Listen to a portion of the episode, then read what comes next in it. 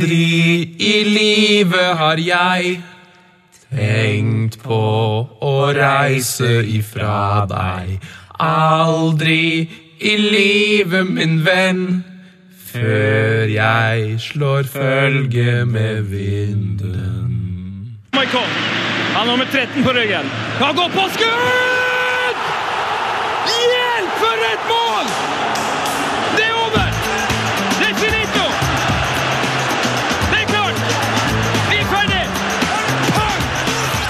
Fotball med Tete Lidbom og Sven Biskår Sunde.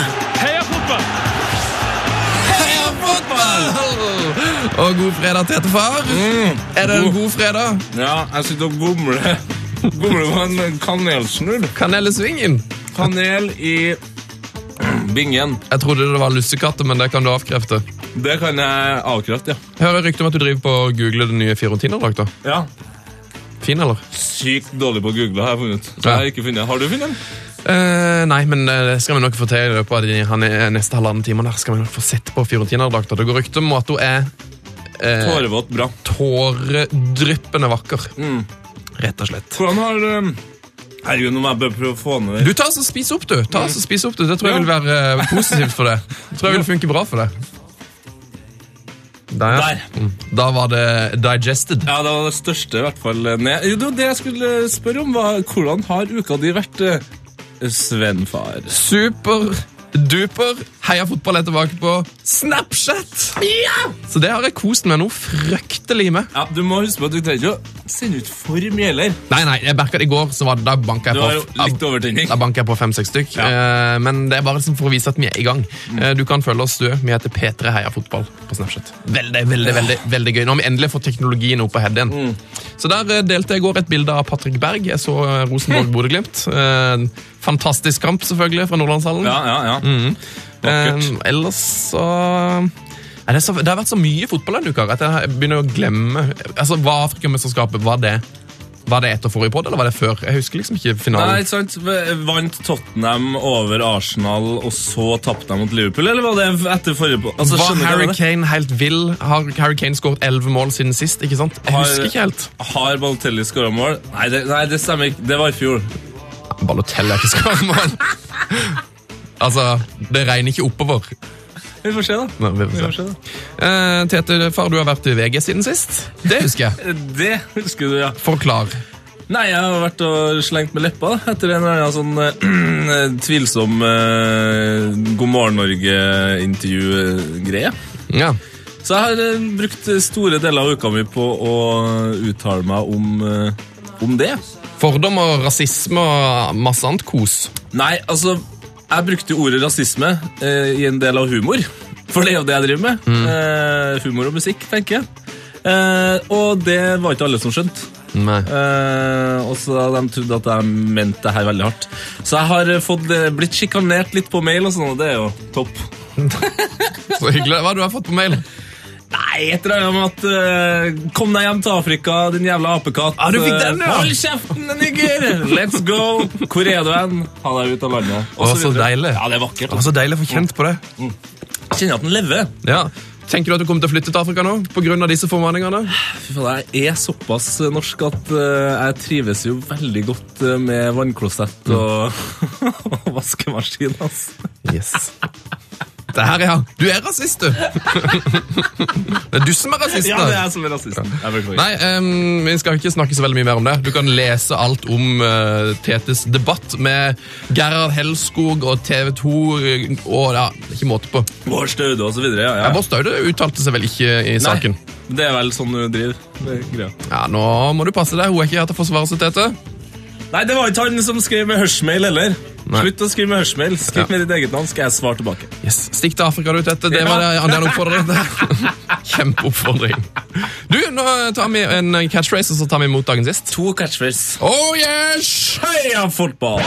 Yes! Åh, yes! Heia fotball! Nå er det fredag?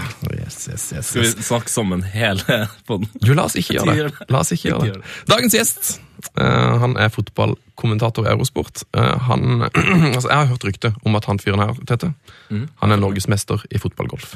Oi! Uh, ikke nok med det, Han jobber til daglig med tysk fotball for Eurosport. Jeg har de siste ukene jobba med vår favoritting i hele verden, Afrikamesterskapet. Og ikke nok med det! Han er òg norgeshistoriens yngste Fifa-agent. ja. Petter Bø Tosterud, hallo!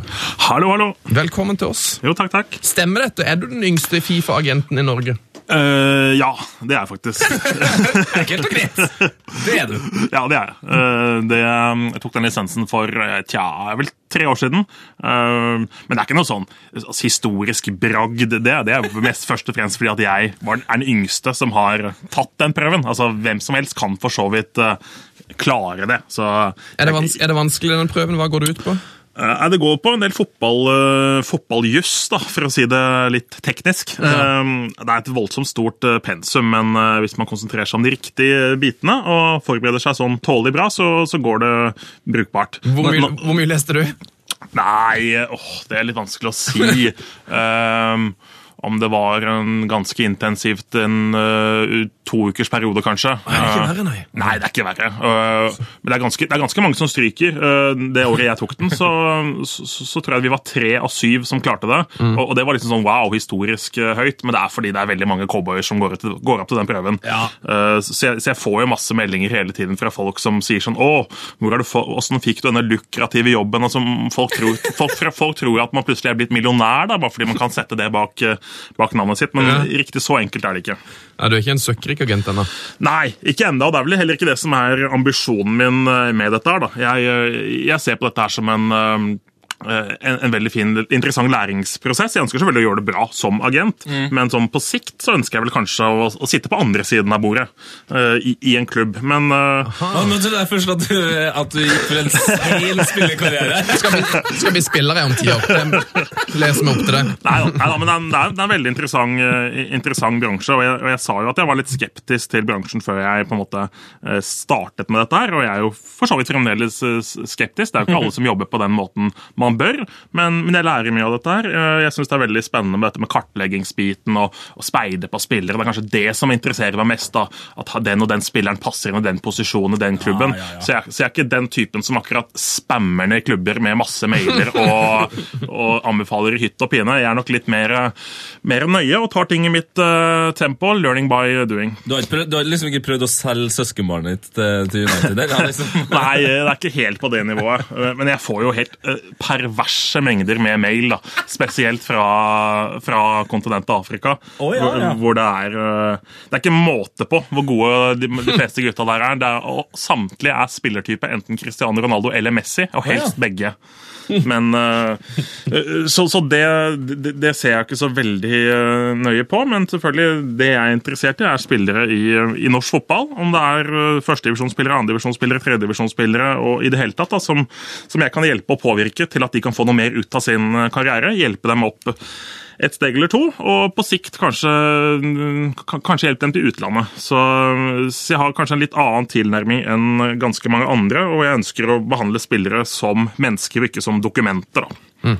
En litt, en litt annen type agent, rett og slett. Ja, det kan være lurt, det. Du, øh, Stemmer det at du har øh, ei, altså, Har du eid en hel haug med lynspillere en periode? Var det sånn du begynte med dette? Ja, det var, eller, jeg har vel ikke eid, men øh, ja, det var en litt spesiell case. Men det var det som fikk meg på denne agentsporet. da. For øh, i 2010 var det vel, så gikk øh, Lyn konkurs. Uh, Lyn er jo en klubb som jeg har fulgt i øh, alle år. Det er jo favorittklubben min i Norge, og for så vidt øh, verdenslaget mitt òg, for, å- for å ta den, øh, ta, ta den greia. Men ja, Lyn gikk konkurs, og så visste jo jeg at Edu, da, som han ble kalt i Norge, han kalles jo Obasi nå, eh, i med det han heter, hadde eh, en del eh, Hadde noen videresalgsprosenter idet han ble solgt til en, ny, eh, til en ny klubb. Han var jo utrolig god eh, i eh, Tippeligaen, Edu. Det er nesten så vi, nesten så vi har glemt det. Ja, det var- Altså, han- var helt, han var helt vill. Det, det var jo en, en periode da det var kun lov å spille med to utlendinger utenfor EØS eller hva det var for noe i,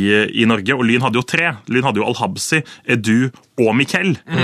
Og til slutt så endte det jo med at Mikkel ble sittende på tribunen Fordi at de måtte ha Al-Habsi i mål, og så måtte de ha Edu for han skårte målene. Så Edu var jo mye bedre enn Miquel, f.eks. i Norge. Ja, ville tider, altså, det der. Ja, det var, det, det var, det var, det var, et, et lite, lite lys, lysglimt i en litt eh, opp og ned Lyn, Lyns karriere, holdt jeg på som supporter. Men, eh, men når Lyn gikk konkurs, da, så ble jeg litt interessert. ok, Hva skjer med disse rettighetene her nå? Eh, Hvem er det som får de? Altså, De kan ikke bare forsvinne. Nei. Så da tok jeg kontakt med konkursboet. Ringte en ettermiddag. Eh, Dette her var en måned etter Lyn i konkurs, og det, var jo bare trist, hele, hele opplegget. Ringte jeg konkursbo, og de var sånn usikre på hva er dette her for noe. Jeg var en liten jypling som ringte, og de visste ikke helt hva jeg spurte om engang. For de skulle, de skulle jo sørge for at kreditor skulle få mest mulig penger tilbake. da. Eh, og så begynte han å titte litt på dette her, og jeg kunne komme inn, og, komme inn på et advokatkontor og se på dokumentene og sånn. Og så, og så viste det seg at Lyn hadde flere uh, rettigheter også da, på en del andre spillere. Så, så det var til slutt tolv spillere. da, hvor Lyn hadde rettigheter på videresalg. F.eks. la oss si en spiller uh, ble kjøpt til Lyn for én million. Uh, nei, ble, ble solgt fra Lyn fra én million. Mm -hmm. og, og Lyn har da kanskje videresalgsprosent på, på 10% da. Og den spilleren går videre for to millioner. Da får, da får eventuelt jeg da, eller Lyn da, 10% av det som går over 1 million, hvis dere skjønte det. da. Så 100 000 av Ja, ja. så det, det kan være, millioner det kan være ett eksempel. Uh, og når det var såpass mange spillere, og en del av disse spillerne også hadde en del uh, bonuser involvert i avtalen, det betyr at det ble utbetalinger til uh, Lyn eller da konkursboet etter uh, 25 kamper, f.eks. Etter 50 kamper så var det kanskje utbetalinger på ja, ganske store beløper, da, som var nære å utløses. Så, så var det jo, fant jo også bostyret ut at dette her kan vi jo ikke akkurat gi fra oss gratis.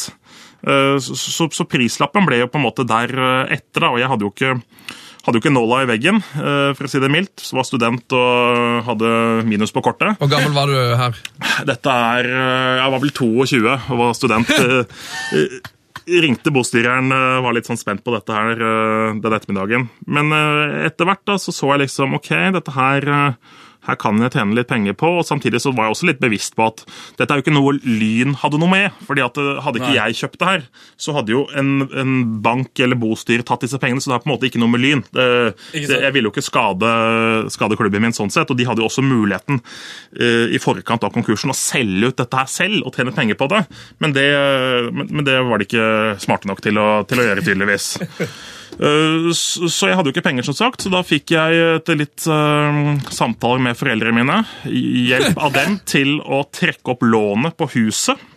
Oi, oi, oi. Så jeg gikk all in, eh, kan du si. Du er en overbevisende fyr, da, skjønner jeg. Ja, men jeg var helt sikker på at dette her var bankers. Ja. Det, høres kanskje litt cocky ut å si det, men, men det var et par spillere som trengte å spille to kamper til. Da. Så kom det en utbetaling på Ja. 150 000 plutselig der, og litt mer her og der. Så, så, så, skulle egentlig ikke noen salg til for at jeg skulle gå i pluss. Uh, og så var det en enorm oppside ved dette da, hvis disse spillerne her skulle ha suksess. Så jeg kan jo for så vidt si summen. Jeg la 660 000 på, på bordet. For tolv kontrakter. For tolv overgangsrettigheter. Det gjaldt da Magne Simonsen, Erling Knutson, Diego Gostavino, Johan Dahlin, da, David Klo Angan, Theo, Theodor Elma Bjarnarsson, Pål Obefule, Kim Oyo, Edu, Christian Brink, Odio Nigalo og Jo Inge Berge. Så, så, Det så, jo bare, bare gullspillere! ja, så det er jo en bra elver. Men, men forutsetningen var jo da at disse spillerne skulle selges for mer enn det de var kjøpt for. da. Så, Ja. uh, så du kan jo si at øh, at man måtte jo ha litt flaks for å tjene veldig mye penger på det. Men ta, ta er du da, Hvor mye ble han solgt for ut av Lyn? Jeg husker ikke nøyaktig, men jeg tror det var 43,5 eller 44,5 millioner. Nå kan man jo prate om disse summene i og med at det er så lenge siden. Så for, for at du skulle tjene penger på den kontrakten du hadde på han, så var Ja. han nødt nødt til å bli solgt for mer enn 43 Ja, millioner, så ja. tok du prosent av det som over. La oss si 15 og da ville jeg fått, da ville jeg fått 15% av de pengene over. Mm. Og, og det som var veldig spennende en liten periode med Edu, da, for han var jo øh, som sagt veldig god en periode, Mm. og han gikk til Hoffenheim.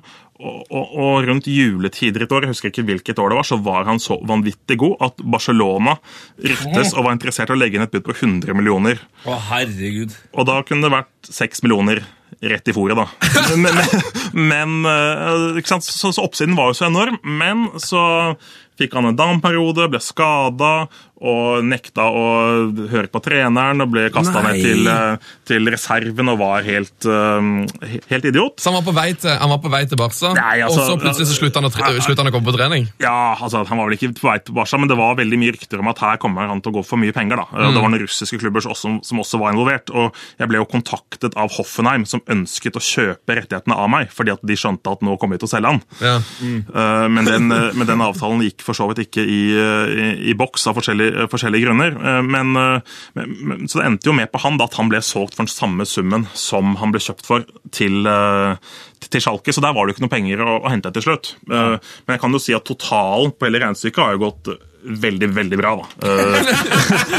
Så, og, og, og så har det vært en veldig fin, interessant læringsprosess bak dette. Nå har jeg sett overgangsavtaler fra tolv forskjellige spillere, jeg har sett kontrakter, jeg har sett åssen de gjør det i forskjellige klubber og land. og dette har på en måte trigga interessen min ytterligere. da. Um, og Utrolig spennende å følge med. og Jeg kunne jo ikke påvirke dette her på noe, uh, i, noen noe grad. Jeg kunne ikke si at ah, du, nå må du spille enda bedre, for da blir det penger. eller sånne ting, Men det, men det er litt morsomt for eksempel, at jeg har jo spilt mange, i mange år med Erling Knutson.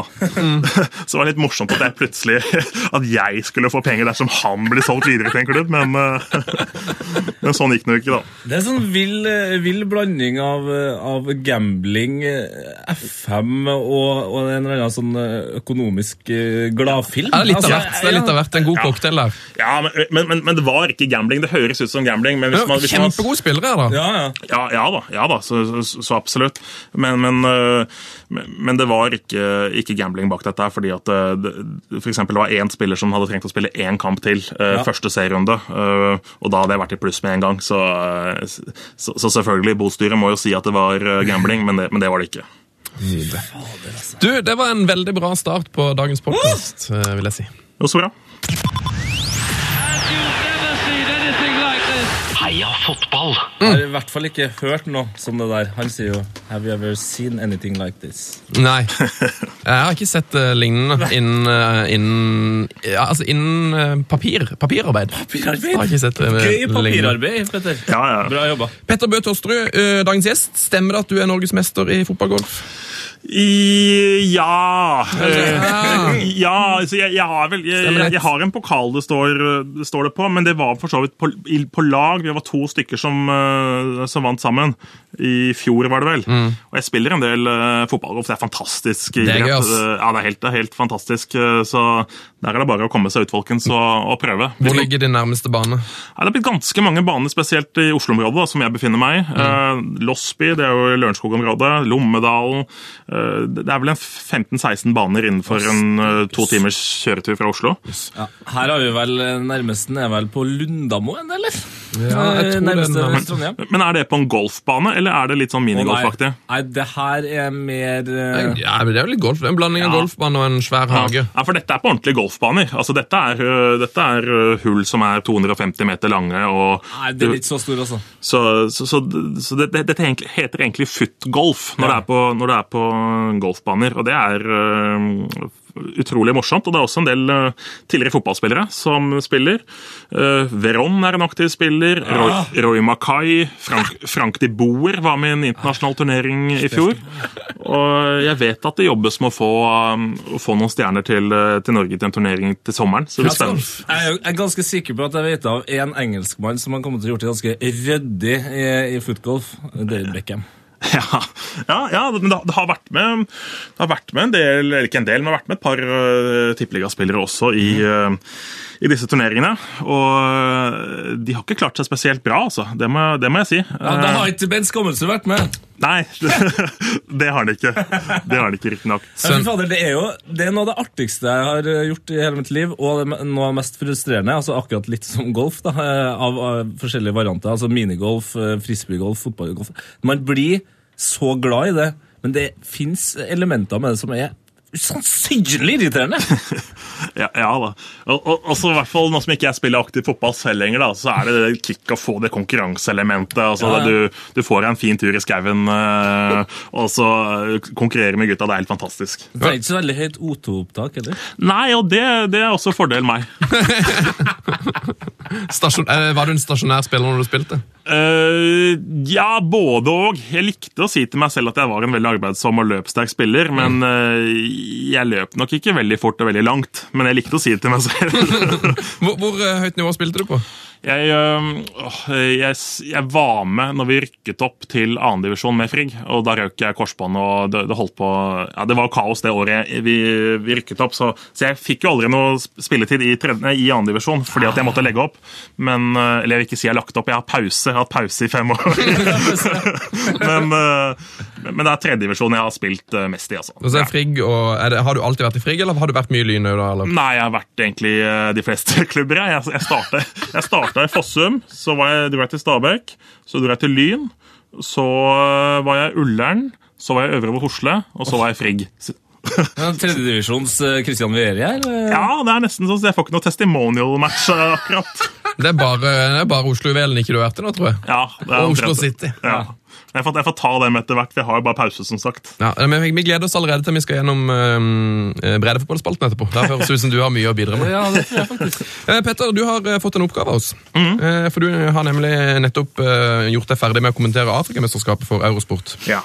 Eh, jeg ba deg ta med topp tre moments. Fra fra vårt favorittmesterskap. Ja, Ja, altså moments og moments. Men det er i hvert fall, er i hvert fall, er i hvert fall ting som jeg, som jeg kommer til å huske, da, som sitter skikkelig i ryggmargen min etter denne turneringen her. Fordi øh, det har vært et spesielt, øh, spesielt mesterskap, Afrikamesterskapet. Det er jo har vel vært et ganske vanlig Afrikamesterskap, men et spesielt mesterskap? kan man ja, si det? ja det, det kan du si. Så, sånn, det har vært et helt vanlig Afrikamesterskap. Det er faktisk ganske bra sagt. Nei, det- første punktet jeg har plukket ut, det heter Ekvatorial Guinea. Ah, det er et stort og fint punkt for Ja. et lite land. Det, det er et veldig stort uh, punkt, rett og slett. Uh, fordi, fordi Som de fleste sikkert vel har fått med seg, så, så skulle jo turneringen bli spilt i, uh, i Marokko. Men eh, de trakk seg grunnet at de var redd for spredning av ebola. Åtte Og, uker før mesterskapet? eller sånt? ja, syv-åtte uker, ja. ikke sant? Og det er jo ikke bare bare det å ringe hvilket som helst nasjon. Hei, du, kan vi ta imot et av verdens største idrettsarrangementer på kort, eh, på kort varsel? Men Ekvatorial Guinea sa den utfordringen, den tar vi! ikke noe problem. For de har en eh, litt sånn ufin president som heter Theodoro Obiang Nguma. En av de lengst eh, sittende diktatorene i Afrika. Han har vært ved makten i 34 år. Å, fy fader. Og de siste årene så har han liksom tenkt at idrett det er noe, det er noe kule greier. Han kjører litt Qatar-stil der. du Ja, jo, det er helt forferdelig. Um, så, så de var jo også med som vertsnasjon i 2012 med Gabon, men nå fikk de det på egen hånd. Og så har de også hatt noen Afrikaleker og noe greier i, i mellomtiden. Og han har eh, bygd noen sånne luksusland, små landsbyer som har kosta flere hundre millioner. Det er jo en veldig rik nasjon. Hvorfor har de så mye penger? Olje, Og olje. Det er den nasjonen i Afrika Det er bare, bare to nasjoner i Afrika som produserer mer olje enn dem. De 270 000 oljefat per dag. Såpass, ja. Likevel så øh, lever hver innbygger på to dollar dagen. Det er helt vilt. Det høres, det høres skjevfordelt ut. Ja, det er helt forferdelig. Eh, så så det er, et, øh, det er et land som sammenlignes med, med Nord-Korea, Somalia og Sudan med tanke på korrupsjon og brudd på menneskerettighets... øh, Ja, det, er vel, det er vel bare for at det er såpass lite at det ikke har fått så mye oppmerksomhet. Ja, og så, og så er det vel ingen som tør å røre litt i den der suppa heller, da. Altså, for at da, da blir det bråk. Men, men uansett, de fikk turneringen. Han landslagssjefen fikk raska sammen et lag, en argentiner. øh, for de har aldri klart å kvalifisere seg til turneringen noensinne. De har vært med to ganger, begge gangene som arrangør. To, to, to på rad, da, ble det ikke? det? Nei, det var en i Sør-Afrika imellom. Det ja. For de har byttet på årene Afrikamesterskapet ja, skal være i. Vi har gått fra partall til oddetall, stemmer det? Mm. Ja. Eh, Så så de kom i, i gruppe A, og kom seg gjennom gruppe A. Det var morsomt og overraskende. De, de spilte bra fotball, eh, all ære til dem. Men så, plutselig, så var det tid for kvartfinale. Og møtte da Tunisia. Og Tunisia de tok ledelsen 1-0. Det var en forferdelig kjedelig fotballkamp. Skjedde nesten ingenting. og det var, altså, Jeg tenkte sånn eh, når jeg så på klokka 92 minutter Ok, nå er vi ferdig, nå kan vi pakke sammen, liksom. Men så, helt ut av det blå, så får Equatorial Guinea straffespark. Altså, altså det, det var så merkelig å se på. Ingen skjønte noe, bortsett fra Equatorial Guinea-gutta, som er ja, ja, nå har, vi, nå har vi muligheten her. Det her visste vi allerede. Det var Ja, sånn, og, og, og vi fikk denne repetisjonen, repetisjonen, og det- var liksom Han var ikke borte igjen. Altså, det var helt forferdelig å se på. Så fikk jo det var Javier Balboa, en eh, som er født i Spania for øvrig, som mange på Equatorial Guineas eh, landslag for øvrig også er. Så de har jo shoppa litt spillere, kan man si. Han satte den i mål, og det var, jo, eh, det var jo ikke akkurat alle fra Tunisia som var kjempehappy for det. Det kokte jo greit på benkene, og det var ikke måte på. Det ble ekstraomganger, eh, selvfølgelig totalt ufortjent, og i, eh, i ekstraomgangene så fikk de også et frispark. som, ja, Det var kanskje ikke like ille, men det var tvilsomt, det òg. Og de skåra på det, og Equatorial Guinea gikk videre. Og da tenkte jo folk ok, hvordan skal man slå ut dette laget her, og de har jo tolv spillere. og altså det, det var jo, det, han, han dommeren han eh, Det er lov- noe fishy her, liksom. det er, det er lov å si det nå, han, han var korrupt. Ja. Eh, Fordi dagen etterpå så ble han utestengt av KAF, altså eh, Afrikas Uefa, i seks måneder. Altså bang, med en gang, uten noe sånn der vi skal se på holdt på å si, se på noe B-prøve, eller Da- vi- vi da har du de gjort noe gærent. Ja, da har du gjort noe gærent, og han ble degradert. eh, Oi, oi, oi. eh, Fra sånn A-liste til B-liste. Ja. Men kanskje han fikk en fin økonomi som bedret hans familie og alt det greiene der. Så Ja, med det. man man kan kanskje også forstå folk som ikke har det så bra. Ikke sant? Uh, uansett så var det klart for uh, semifinale, da. Det var fantastisk. Aldri tatt deg til semifinalen i Equatorial Guinea. Uh, og det var litt sånn spenning før kampen, fordi det hadde vært litt dårlig sikkerhet da, på kvartfinalen. og sånn, og Fått noe bøter for det. da, De tok det med en liten klype salt. Så møtte de, møtte, møtte de Ghana. Oh, yes.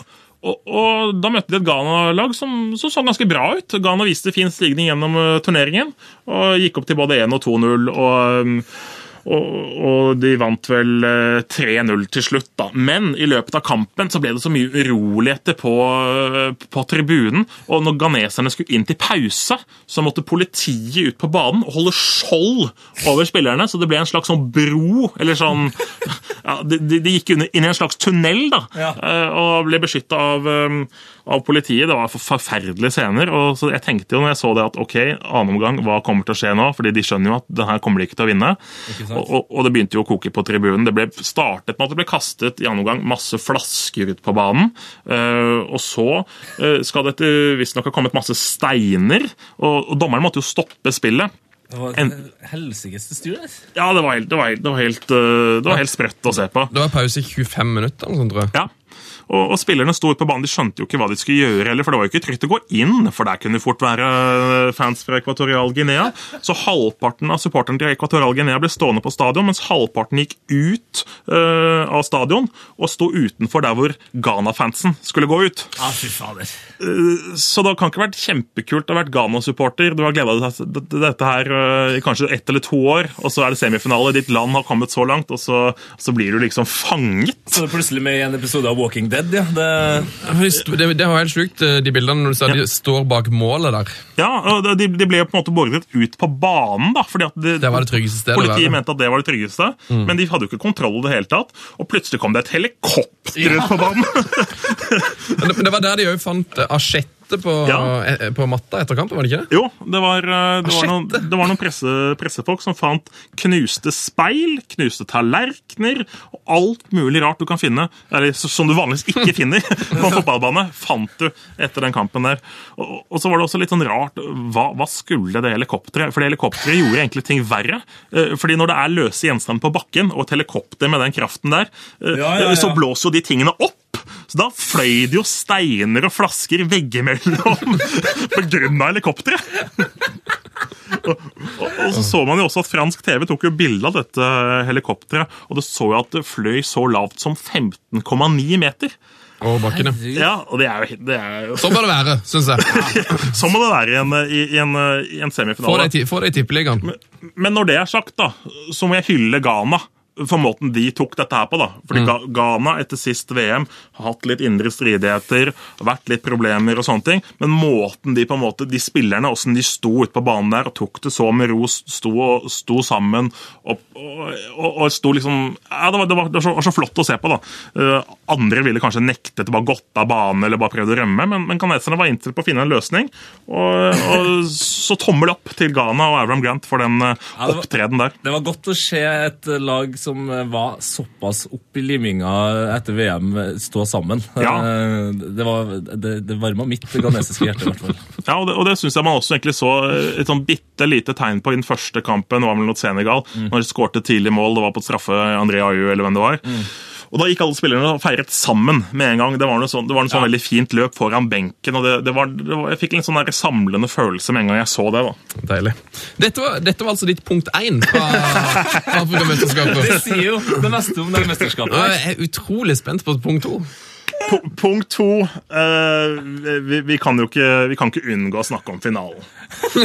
altså, hva, Nei, det kan vi ikke. hva var det for noe, liksom? Nei, hva fader var det?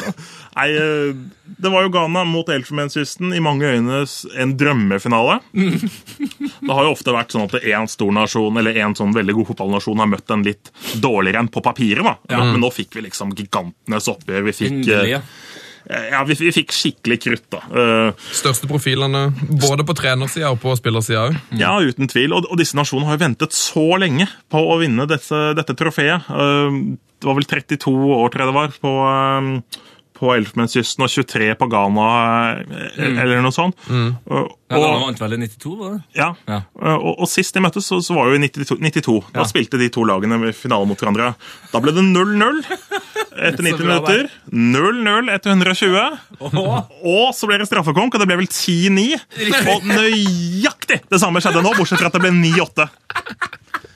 Det var like mange som tok straffespark, var ikke det? Det tror jeg faktisk. Det Jo, ja, ja. Nei, det, det, og sel, selve altså, første omgang, Hvis vi skal ta litt om kampen, da, hvis vi husker det. Ja. Eh, Førsteomgangen syns jeg var ja, det var grei, liksom. Det var et, det var et stolpeskudd, tror jeg det var. Ja. Og Da fikk man litt sånn følelsen følelse av ah, finale, dette er litt gøy. Annen gang skjedde ingenting. um, og, og første ekstremgang, idet i det første ekstraomgang startet, så fikk jeg beskjed på øret om at vi hadde en, vi hadde en person som sto ved siden av Hervé Renard, som sa 'jeg går for ekstraomganger'. Nei, jeg går for straffekonk. ja. sa han med en gang. ja. Eh, Så eh, Elfenbenskysten-gutta var jo innstilt på ok, nå, nå skal vi ha straffekonk vi om en halvtime.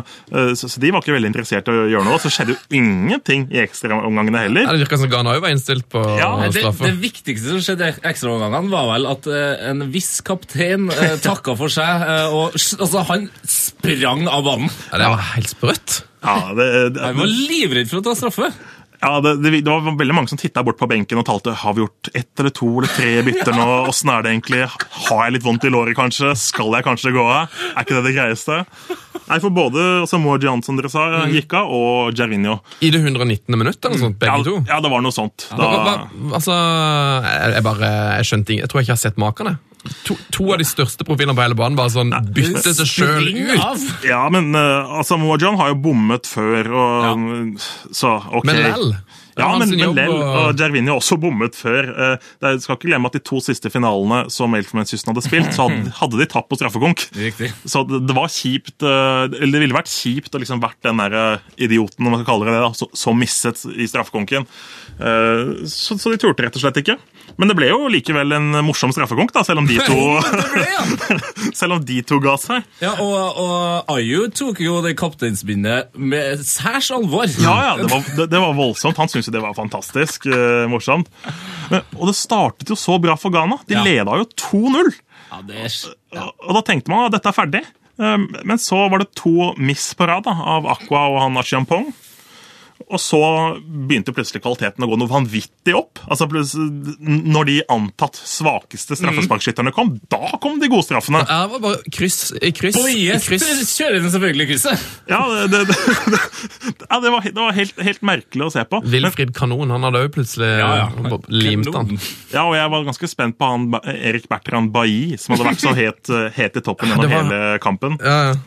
Men, eh, men, men det som også er litt sånn ekkelt, da. Tenk deg den følelsen. ok, Du sitter der, du har fått beskjed om du slipper å ta straffe, og så bare ser du straffe nummer fem, nummer seks, nummer sju, nummer åtte, og du må begynne å forberede deg og psyke deg opp. Det, Jeg unner ingen den eh, følelsen der. Nei, og, men han som da må gjøre det her til slutt eh, Ja. En karakter som da ikke har spilt en eneste kamp annet enn denne finalen. Ja, og, og det, var jo også, det var jo også noe som ga denne kampen litt Ja. eh, ekstra krydder, for å si det mildt. Bobakar Barri, også kjent som Kåpa, Han har spilt uh, for landslaget til Elfenbenskysten i mange herrens år. Alltid spilt uh, en viktig rolle på det laget. Mm. Egentlig både på godt og vondt. Han er en ok keeper, men det er litt, det er litt mye Boba Kabari. Altså, og ofte når Elfenbenskysten spiller kamp. Og det var en som het Jibuho, som hadde tatt over førstekeeperplassen før uh, denne turneringen. Eh, men han ble skadet i semifinalen, så da fikk Boba Kabari, 35-åringen, beskjed du skal stå finalen. Og, det, og den utfordringen der var han jo veldig klar for. Eh, og han gjorde seg veldig godt bemerket i straffekonken, for han pådro seg et krampe, han faktisk. Det var jo ba, det var bare piss. Det er av det rareste har skjedd. Opptil flere ganger så blir han liggende med krampe! Ja, men hva skal man si? Jeg kan jo ikke akkurat si at din tyv, din skurk, liksom. Altså, ah, Det var grusomt å kommentere. ja, kanskje, kanskje hadde han krampe, men det er litt spesielt at det var han da, som hadde spilt én, én kamp, mens de andre gutta hadde spilt fem-seks kamper i 30 varmegrader de siste to-tre ukene. Uh, Springer ikke så mye som keeper heller. Nei, du, du, du, du gjør ikke det. Så det var ufint, rett og slett. Og den andre gangen når han fikk krampe, som jo var før sin siste straffe, da holdt han seg til håndledd en periode. Ja, Så det var sånn, veldig uklart hva han var besatt av her, men det var i fall, han var ikke keen på Han var besatt av noe. Det det kanskje. han var ikke keen på å få dette her til å gå fort unna. i hvert Og, fall. og så, så var det jo spesielt å se at keeperen til Ghana kom jo og skulle hjelpe til og dro, dro han Kåpa opp mens han lå nede. Og så kom han der fysioen med issprayen og bare spraya. Han visste jo ikke hva han uh, behandla. Og han markerte seg for så vidt etter hvert, men det kommer vi vi jo tilbake til. Men, eh, men eh, det, som skjedde, var jo at han Razak Brima, keeperen til Ghana, han eh, mistet jo på sitt straffespark. og Kåpa han ble den store helten. da. Og når han feiret eh, etter skåringen der, så så det ikke veldig ut som han hadde krampetendenser. Han så, han så ut som eh, en dure der han løp, liksom. Han, ja, det var jo, han løp på 9,79, tror jeg. ja, ja, satt eh, ny Elfenbenskyst-rekord. Var spinnvilt. Så, så det var fantastiske scener i etterkant der, og som jeg så vidt var inne på, han fysioen som kom med den issprayen og spraya. Og feira, etter- ja, det var uh, fantastisk. Og, og Gervinho har jo blitt et uh, kjent meme der han satt på en plastikkstol med ryggen til. Ja, han satt jo og grilla pølser han med ryggen til, og, og syntes ikke det her var så veldig gøy å være med på. Og han var jo så nervøs også når de, når de hadde matchball, men når Kåpa skulle ta sin straffe. Han, han vifta ned armene Ja, og liksom skulle roe ned publikum. Dette er ikke i boks. Vi er bare på straffe nummer 11. Så, men, eh, men, men det gikk jo for hans del. Det var en, en sånn merksnodig straffekonk. Og jeg har aldri sett at kapteiner og generelt lagspillere har snakka så mye med hverandre og keeperne som i den eh, straffekonken her. Og det var jo eh, opptil flere ganger så var jo begge lagene på samme møte, altså på samme møterom, og så snakka med hverandre. Ja, ja. Og, Altså- og dette er jo nasjoner som har, har møttes uh, mange ganger. Disse gutta kjenner hverandre godt fra spill i Europa og, og sånne ting. Så det var jo en, en veldig spesiell finale sånn sett. Og, og, og, tenk på disse som har spilt så mange finaler som har tapt. Kolo Toré har vært med i straffekonk, har tapt. Siaka Tiene har tapt. Boba Kabari har tapt. uh, og som endelig siste muligheten for den gylne generasjonen. Kolo Toré gir seg på landslaget nå, så får han dette gullet. Og Drogba, da, som ga seg før turneringen, han fikk jo ikke gullet. Fikk ingenting. Åh. Men, eh, men, men, men sånn er det. Drogba har opplevd mye fint da, ellers sånn, så Nydelig, nydelig punkt to. Jeg kan ta kjapt punkt tre, da, for jeg har fire punkter. Nei, punkt, tre er, er ganske kjapt, men det, det var jo det, det var et eh, mesterskap som inneholdt en del eh, kamper med, med lite mål. Vi så en tendens til at det var litt defensivt eh, spill, og det hadde, nok også litt med banekvaliteten, fordi det var to av To av gressmattene var flydd inn kun time før kampstart fra Spania. Så det var litt sånn Sør Arena-tendenser i, kamp, de første kampene der hvor mm, gressmatta sklei litt av. Ja. Og de, de byttet jo ut den ene arenaen etter hvert. Ja, Oppe i, oppe i Mongomo der, så spilte Ja. de jo de spilte jo doble kamper, så den ni-kampen var jo ofte helt sånn håpløs. Ja. Men eh, det jeg skulle ta nå, er altså gruppe, gruppe D, som Elfenbenskysten var en del av. Vi kan jo gå gjennom resultatene i gruppe D. Elfenbenskysten Guinea 1-1. Mali Kamerun 1-1. Elfenbenskysten Mali 1-1. Kamerun Guinea 1-1. Kamerun eh, Elfenbenskysten 0-1. Oi! Uh, Guinea Mali 1-1. Så, så da setter man seg automatisk i en litt vanskelig posisjon da, når eh, Guinea og Mali endte helt likt. Ja. Og da måtte vi ha trekning dere, om hvem som skulle gå videre. Tilbake på barneskolen, altså. Ja, få litt sånn Norway Cup-vibber. eh, eller for øvrig Elverum Cup-vibber for min del. Jeg har, jeg har vunnet Elverum Cup på flere cornere enn motstanderen Røa. Å, fy fader. det- er uh, Eller Vestacup i Mandal, hvor, eh, hvor vi tapte på, på loddtrekning. Og det som var litt ekstra kjipt for disse spillerne, var jo at før kampen så var man klar at dette scenarioet kunne dukke opp, og da, da ga de beskjed om at ok, spill, spilles, kamp, blir det 1-1 i dag, så tar vi og trekker etter kampen, og så blir vi ferdig med det. Ja. Men rett før uh, kampen starta, så sa Kaff nei, vi, vi, vi tar det i morgen. Vi tar det i morgen. Vi utsetter. Vi lager et arrangement. Ja, vi, vi, vi, vi, vi, vi fikser noen greier på et hotell i morgen på et møte. Vi tar det klokka fire. Så det betyr jo at spillerne de måtte jo legge seg uten å vite er jeg med i turneringen. Er jeg ute? Jeg har ikke peiling. Så, så, så det syns jeg var et spesielt øyeblikk, da, kan du si. Og det var Guinea som vant loddtrekningen. Det er også en ting jeg kommer til å huske, kan du si. Og Synd at ikke det ble 1-1 i den eh, andre Den Ja. Elfenbenskysten-kampen Ja. der. Da hadde det det- blitt trekning mellom alle fire. Alle. Det kan du si. Men, men jeg vet ikke hvilken annen måte man skulle gjort det på. altså For at det skulle vært rettferdig. Nei, det er jo sånn som du, sånn som du hadde vært ute for da, flest corner. Altså Et eller annet, som, Ja. et eller annet innen spillet hvor man Noe måte som, som, noe som beviser positivt spill. Ja, Ja, ja. Da vet ikke jeg om corner kanskje er det beste, altså, men eh, ja men altså hvis Du har skapt Du er jo iallfall i riktig ende av banen, da. ja, det er det jo. Men nei, jeg vet da Den er ikke. Det er jo det er gøy med trekning. Men det som jeg synes de burde gjort, de burde jo kjørt trekninga på stadion. Bare, bare gått rett inn i midtsirkelen og så kjørt stein, saks, papir, eller kjørt uh, flip, eh, flip of the coin, liksom. Ellers så kunne jeg kjørt en straffekonk mellom de landene. Det hadde vært gøy. Straffekonk er alltid gøy. Ja, Ja, for da er det liksom noen sportslige kriterier. Det er jo den klart beste ideen. Ja. Men eh, det hadde vært vanskelig hvis det var fire lag, da. Ja, ja, da, ja da, men da kunne det ligget som et kriterium at eh, ja, Hvis det er to, så blir det straff. punkt 1 A, C, D, E altså, Ja, det er så mye. En straffekonk med fire Man kan jo ha to straffekonker på én bane samtidig. Det er jo kanskje ganske vilt. Og så møter vinnerne hverandre. Perfekt. Fy fader. Det er framtida. Er, du, du hører jo at det her passer glatt inn i Afrikamesterskapet. Det er jo litt som min, du, Jeg har fortalt om den drømmen jeg hadde om åssen hvordan jeg mener at uh, signeringer bør foregå i framtida. Har, jeg har ikke fortalt dette. Fortell det kjapt. Jeg, har, jeg, altså, jeg må bare beklage, Petter, Ja. uh, men jeg hadde altså en veldig rar drøm. Hvor jeg drømte at Manchester United hadde kjøpt eh, nye spillere. Og spillerne da, de ble, det her, og det her kommer til å bli helt gull. Ja. Eh, Transfervinduet var stengt, og så var det bare kom til en beskjed om at Manchester United hadde kjøpt to nye spillere. Og jeg gleder meg jo veldig veldig til å se hvem det her var. Og så er det klart for kamp, og United stiller bare da med ni spillere i lagoppstillinga. For de har to nye signeringer. Og så rett før avspark så avdukes da Carlos Tevez og en fiktiv spiller som jeg finner på, som heter sånn Diego eller noe sånt. Og disse to da skal spille for United, og jeg er dritfornøyd. Ja. Ja, så overraskelsesmomentet Yes, er Her er TV som vi har kjøpt han! Han skal spille han nå. Han starter. Har ikke det vært fantastisk? Men ville han spille? Å ja da. å ja da. I drømmen min vil han det. TVs elsker meg, så der var null stress. Nei, det var en, en liten avsporing, men en veldig god idé. Ja. Så nå er Sk- Skal jeg ta siste punktet, så vi får runde Afrika? Yes. Eh, Jeg har kalt det punktet profiler. Og, og det er to, to spillere som, eh, som stikker seg litt ut. En spiller jeg vil hylle, som heter Robert Kidiaba. Keeperen. Keeperen. Ja. Rumpedanseren. Rumpedanseren, ja. Og det er jo det han er kjent som. Altså, han, eh, han var turneringens eldste spiller nå. Og han har sagt at han skal legge opp på, på landslaget, og han markerte seg så til de grader. Eh, Det var kanskje ikke så mange som fikk med seg bronsefinalen, men i bronsefinalen mot Equatorial Guinea. Det ble straffekonk, Ja. og i den første, på den første straffen så kommer Equatorial Guineas Javier Balboa bort mot ballen, ser på keeper Robert Kidiaba, som bidrar med en backflip. Ja! Det er så vilt! Så nydelig.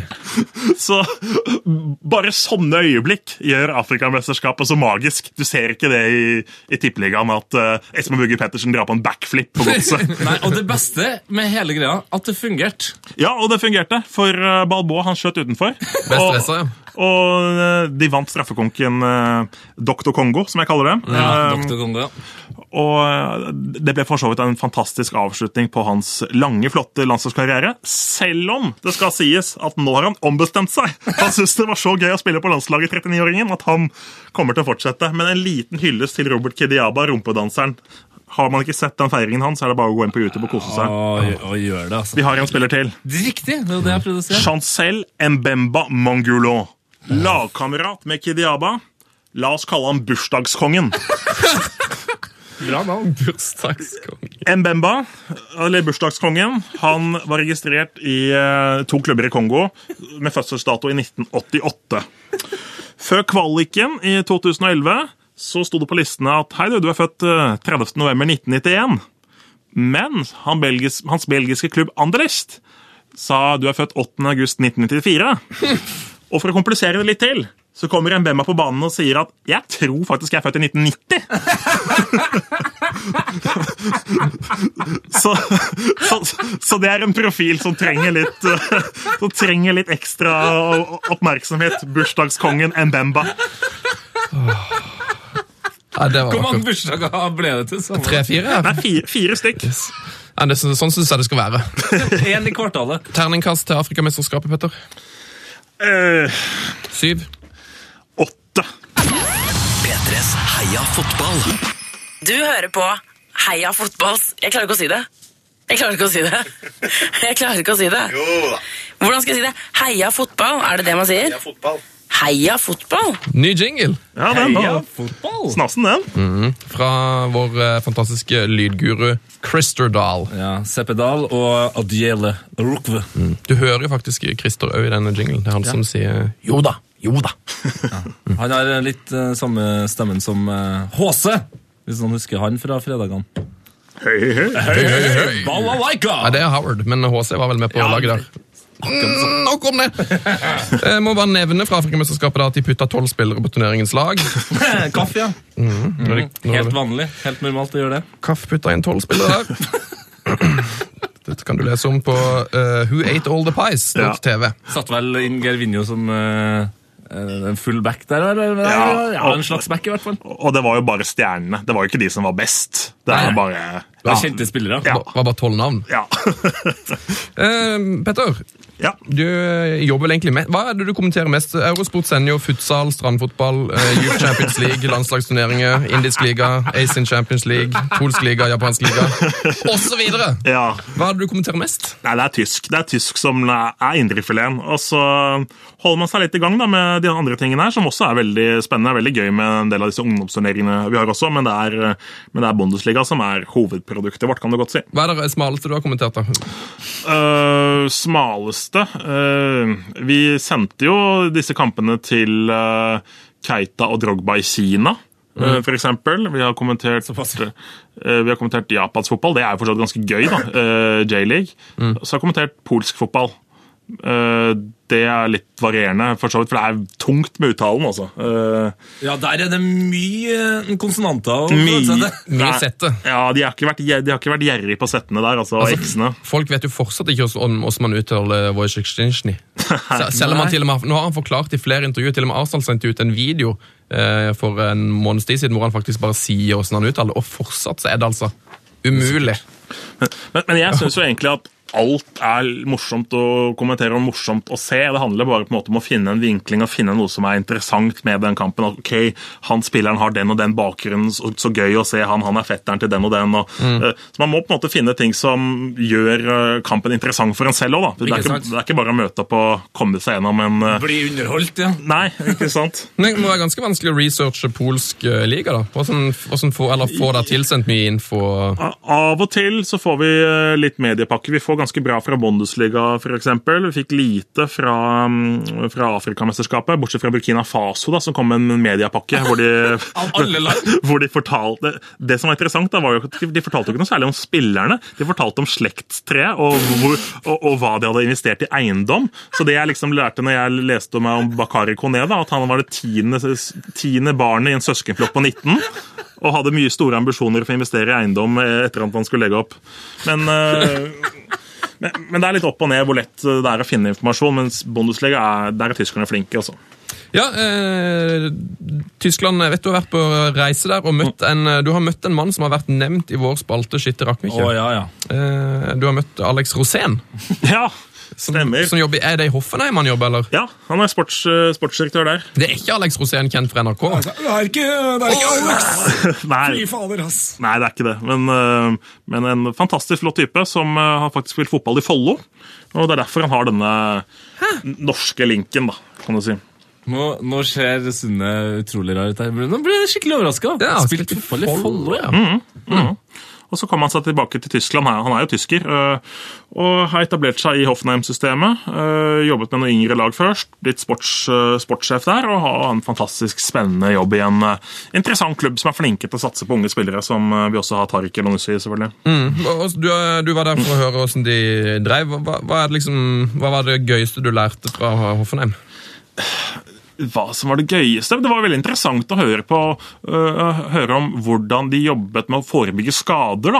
Øh, de hadde hentet inn en egen mann som kun jobbet med skadeforebygging og var veldig tett på spillerne med e- egne øvelser. og Han mente at, uh, han, Alex Rosén mente at Hoffenheim liksom var en foregangsklubb der, da, sammenlignet med f.eks. Borussia Dortmund, da, som har hatt 10-15 mann på sykestua øh, hver eneste uke. og Han skjønte ikke hvorfor ikke de gjorde noe lignende.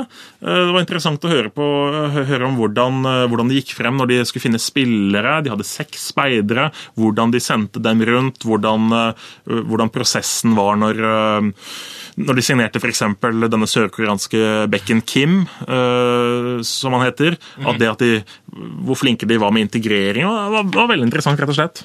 Nydelig. Um, Petter, har du med, med deg telefon? Eh, ja. Tenkte vi skulle overraske deg med en liten uh, trynemix nå. Ok, skal vi ta, ta flymodus? Du går rett, du går rett inn i trynemiksen her, ja. Ja, um, jeg skal Jeg følte på en måte få, få det unna nå. Um, hvis du der hjemme har lyst til å sjekke ut vår trynemix, så finner du den på vår Instagram-profil. Der heter vi P3, heia fotball. Det heter vi på Snapchat. Der må du bare følge oss. Ja, vi er tilbake på Snapchat. ja, Det snakka vel litt om. en ja. Nei, um, jeg vet ikke om du har hørt om konseptet, Petter? Jo da, jo da, det har jeg. Skal vi se, nå har jeg fått noen melding her. Vi mikser nemlig opp våre gjester med kjente fotballfjes. Og så prøver vi oss å snike inn et bitte lite um, ordspill. da. ja, hva syns du om han der? Hva syns, hva syns du om denne spissen fra VM 90? Det, det var jo faktisk ikke så verst. Er ikke han stilig? Tosti Rudi Føller, ja, den eh, Ja. ja, det, det er tommel opp, faktisk. Altså, den synes jeg var, den var bra lagd. Du, Det ser ikke det her veldig ut som en norsk eh, fotballspiller fra Er du da, ja! Det er jo veldig likt Dan Eggen. Ja, kanskje. Og også en, en um, rogalending. Fader, nå husker jeg hva han heter. Gamle... Alf Kåre Tveit. Mm, ja. Han ligner jo litt på Arne Larsen Økland òg. i- er vet du, det var Økland jeg har tenkt på. Ja. Pizzabaronen. Fy fader, da, da er du en god spiller, altså. Rent visuelt her. Eh, To- Tosterud-følger. Ja. Ja. Hvis du vil sjekke ut Tosterud-følger, så finner du altså på vår Instagram P3 her fotball. Um, I Tyskland så har de noe som heter 51 %-regelen, eller 50 pluss 1-regelen. Eh, og den har jeg nylig hørt om. Jeg vet ikke, jeg vet ikke helt hva det går ut på. For de- som ikke har hørt, hva, hva, er, hva er den regelen? Nei, dette var en regel som, eh, som kom til Tyskland eh, etter at eh, muren falt, og at Øst-Tyskland også fikk være en del av Bundesliga, og, og, og fotballen ble litt mer samlet. Og Da fant de ut at ingen skal komme og ta fotballen fra oss, fotballen skal være for fansen. Så det betyr at eh, denne 51 %-regelen det er altså at den er designa for at eh, en Abramovic ikke kan komme og kjøpe Bayern München eller Dortmund og ta fullstendig kontroll over klubbene. da. Slik at eh, det er ikke lov å endre navn og draktfarge og sånne ting. Det er, det er, det er supporterne som skal ha eierskap, og supporterne skal være involvert i, i driften av klubben.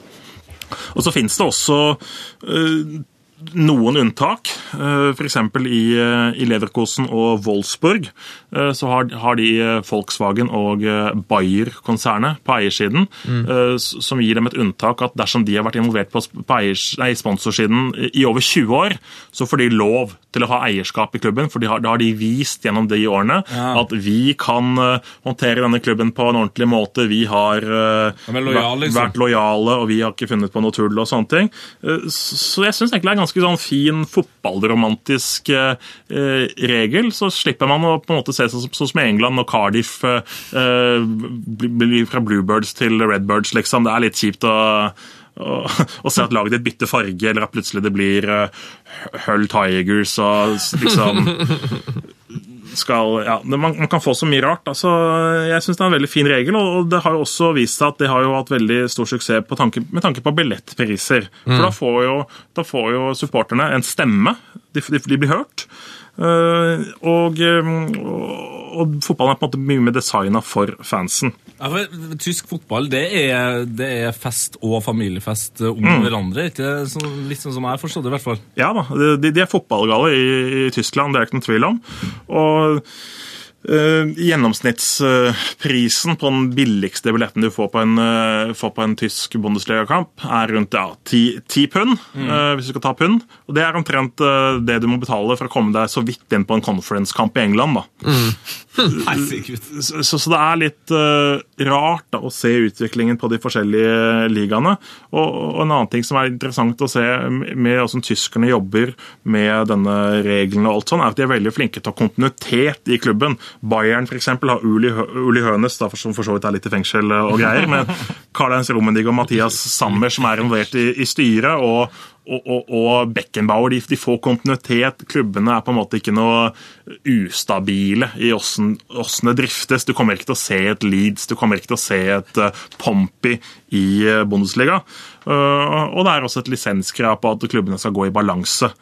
Selv om enkelte går av og til i minus, men man har så lang tid på seg å komme seg på god fot igjen. da. Ja, men er det også en av grunnene til at, eh, at eh, Klopp fortsatt sitter i Dortmund, selv om det har gått såpass dårlig, eller handler det bare først og fremst om at han har gjort det så bra tidligere? Altså for der også, Det har vært litt sånn rot nå i det siste, men eh, det virker jo ikke som det er noe stress for han å ha den jobben der.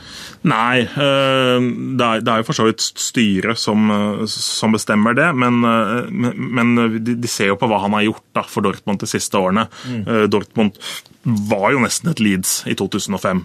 Og så, så kom, kom Klopp inn og har vel sittet der nå i seks-syv år og virkelig fått øh, snudd på ting. Så jeg tror de har gjort på en måte lurt i å ikke sparke han øh, med det første. Øh, og det er en veldig sånn samlet klubb som har, har, troen på Klopp. da. Så, um... Det viser jo når Royce, liksom den største stjerna, Ja. altså, Signerte nytt, ja. ja. Når, du- når du ligger liksom på, på nedrykksstreken. Altså det, Det, det sjokka meg litt at han Ja. var, var så kul og gjorde det. For det er jo, de, de, alle de andre er jo bare stikka altså, Guts og Lewandowski og gutta boys, liksom. Jeg, jeg syns også det var ganske flott å se.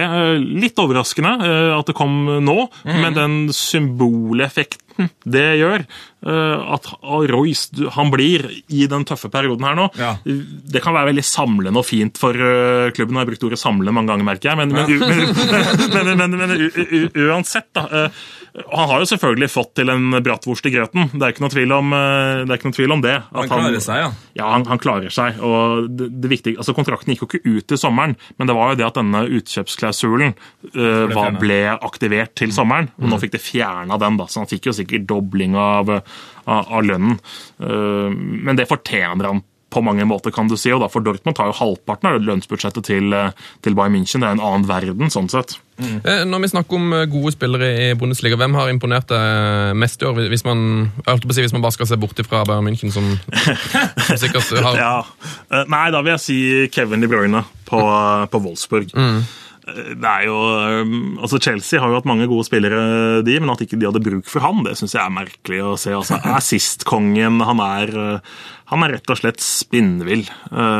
Og det var jo veldig morsomt med den kampen eh, Wolfsburg-Bayern München, første kampen eh, etter vinterpausen. Måten Wolfsburg bare tok, tok rotta på Bayern München da, det var, det var imponerende. Spesielt med den innrammingen etter at Junior Malanda hadde mistet livet. og Det, det var en fantastisk eh, flott aften å følge til fotball. Og så eh, Toppskåreren i Bundesliga nå er Alexander Meyer. Ja. En, en 32 år gammel, eh, Ja. høy karakter. Han er på en måte Bundesligas Frode Johnsen. ja.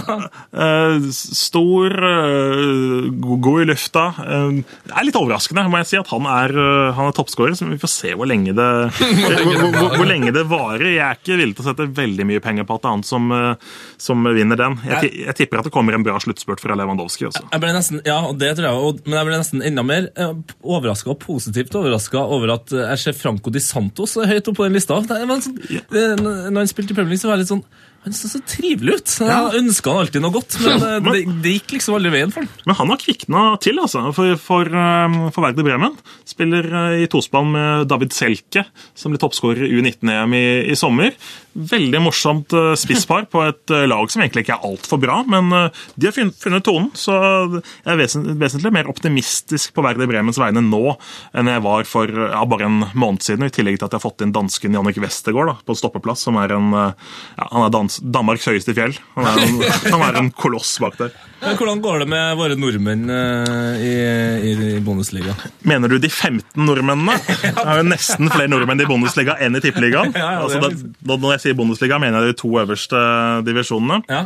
Nei, det går, eh, det går litt opp og ned. Eh, Det, blir jo, det blir jo spennende å følge utviklingen til, eh, til Mats Dæhlie, da. Det har jo vært et friskt pust, for så vidt. Har spilt begge kampene nå for, for Freiburg. Kommer til, har kommet til en klubb som passer han veldig, veldig bra. Og eh, han, får en del friheter for å spille bak spissen der, er veldig mye involvert, og han, han ønsker å være involvert. Så får vi se hvordan det går med Freiburg til slutt. og Det ligger jo på nest sisteplass, men, men som jeg har sagt mange ganger før, det er et lag som er vant til å ligge der. Så, så de, så de, de, ja, men de er ikke noe De Nei, de stresser ikke. De vet at det er mange kamper igjen, og de legger ikke om å spille masse lange baller. De spiller seg rolig og forsiktig ut fra, uh, fra forsvaret og har en veldig sånn laid-back holdning. Altså, De har en trener som sykler til hjemmekampene. Yes! Ja da! Der! Oh. Der har du en favoritt. det er så mye deilige fotballbohemer i Tyskland. Altså. Ja, så Det er litt sånn gammeldags, eh, flott, tradisjonsrik klubb. da.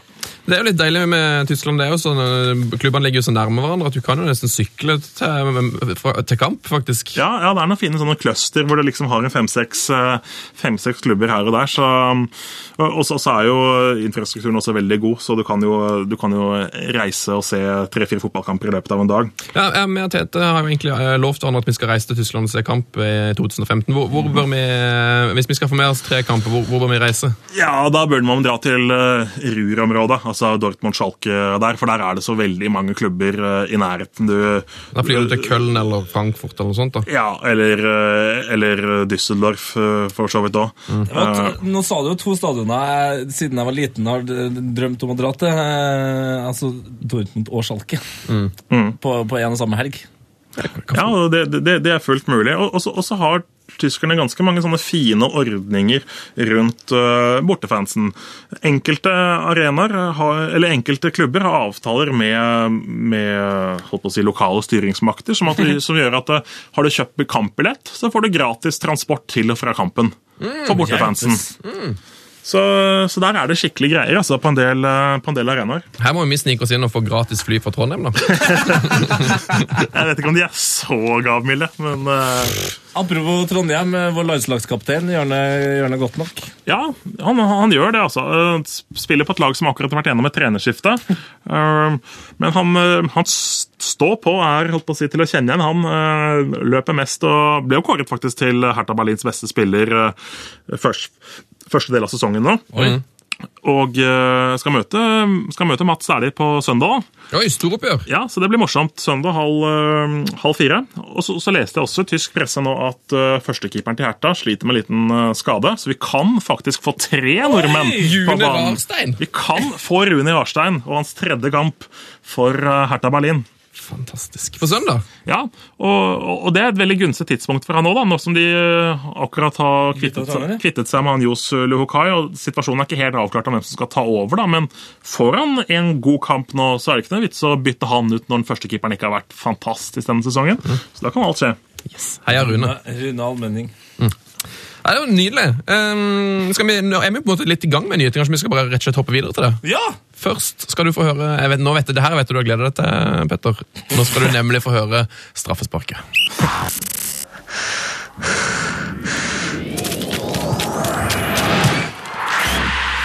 P3s Heia fotball med Tete Lidbom og Sven Biskår Sunde. Og ikke minst eh, Petter Bø Tosterud i følger.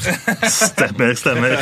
Det vakreste som har skjedd denne uka her um, jeg, jeg, I går satt jeg her på jobb alene satt og forberedte her Fotball. Torsdag kveld. Um, så fikk jeg mitt tips på Twitter. Og det, altså, det er det vakreste jeg har sett eh, på veldig lenge. Jeg, jeg begynte å grine. Det er, Ja, altså, du griner nesten allerede nå, ikke? jeg. jeg vet ikke om du har sett det her, eh, Petter, men det er en liten gutt som heter eh, Jay Beatty, som er 11 år gammel. Eh, Og i eh, Skottland også er han nominert til månedens mål. Ok.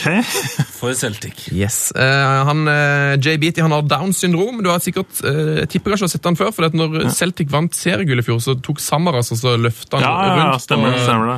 Ja, på, Gutten med grønne brillene. på æresrunder. Og han, Celtic har blitt veldig glad i han gutta nå. Så det, Mm. i en av de kampene de spilte nå nylig, så fikk han lov til å ta straffe i pausen.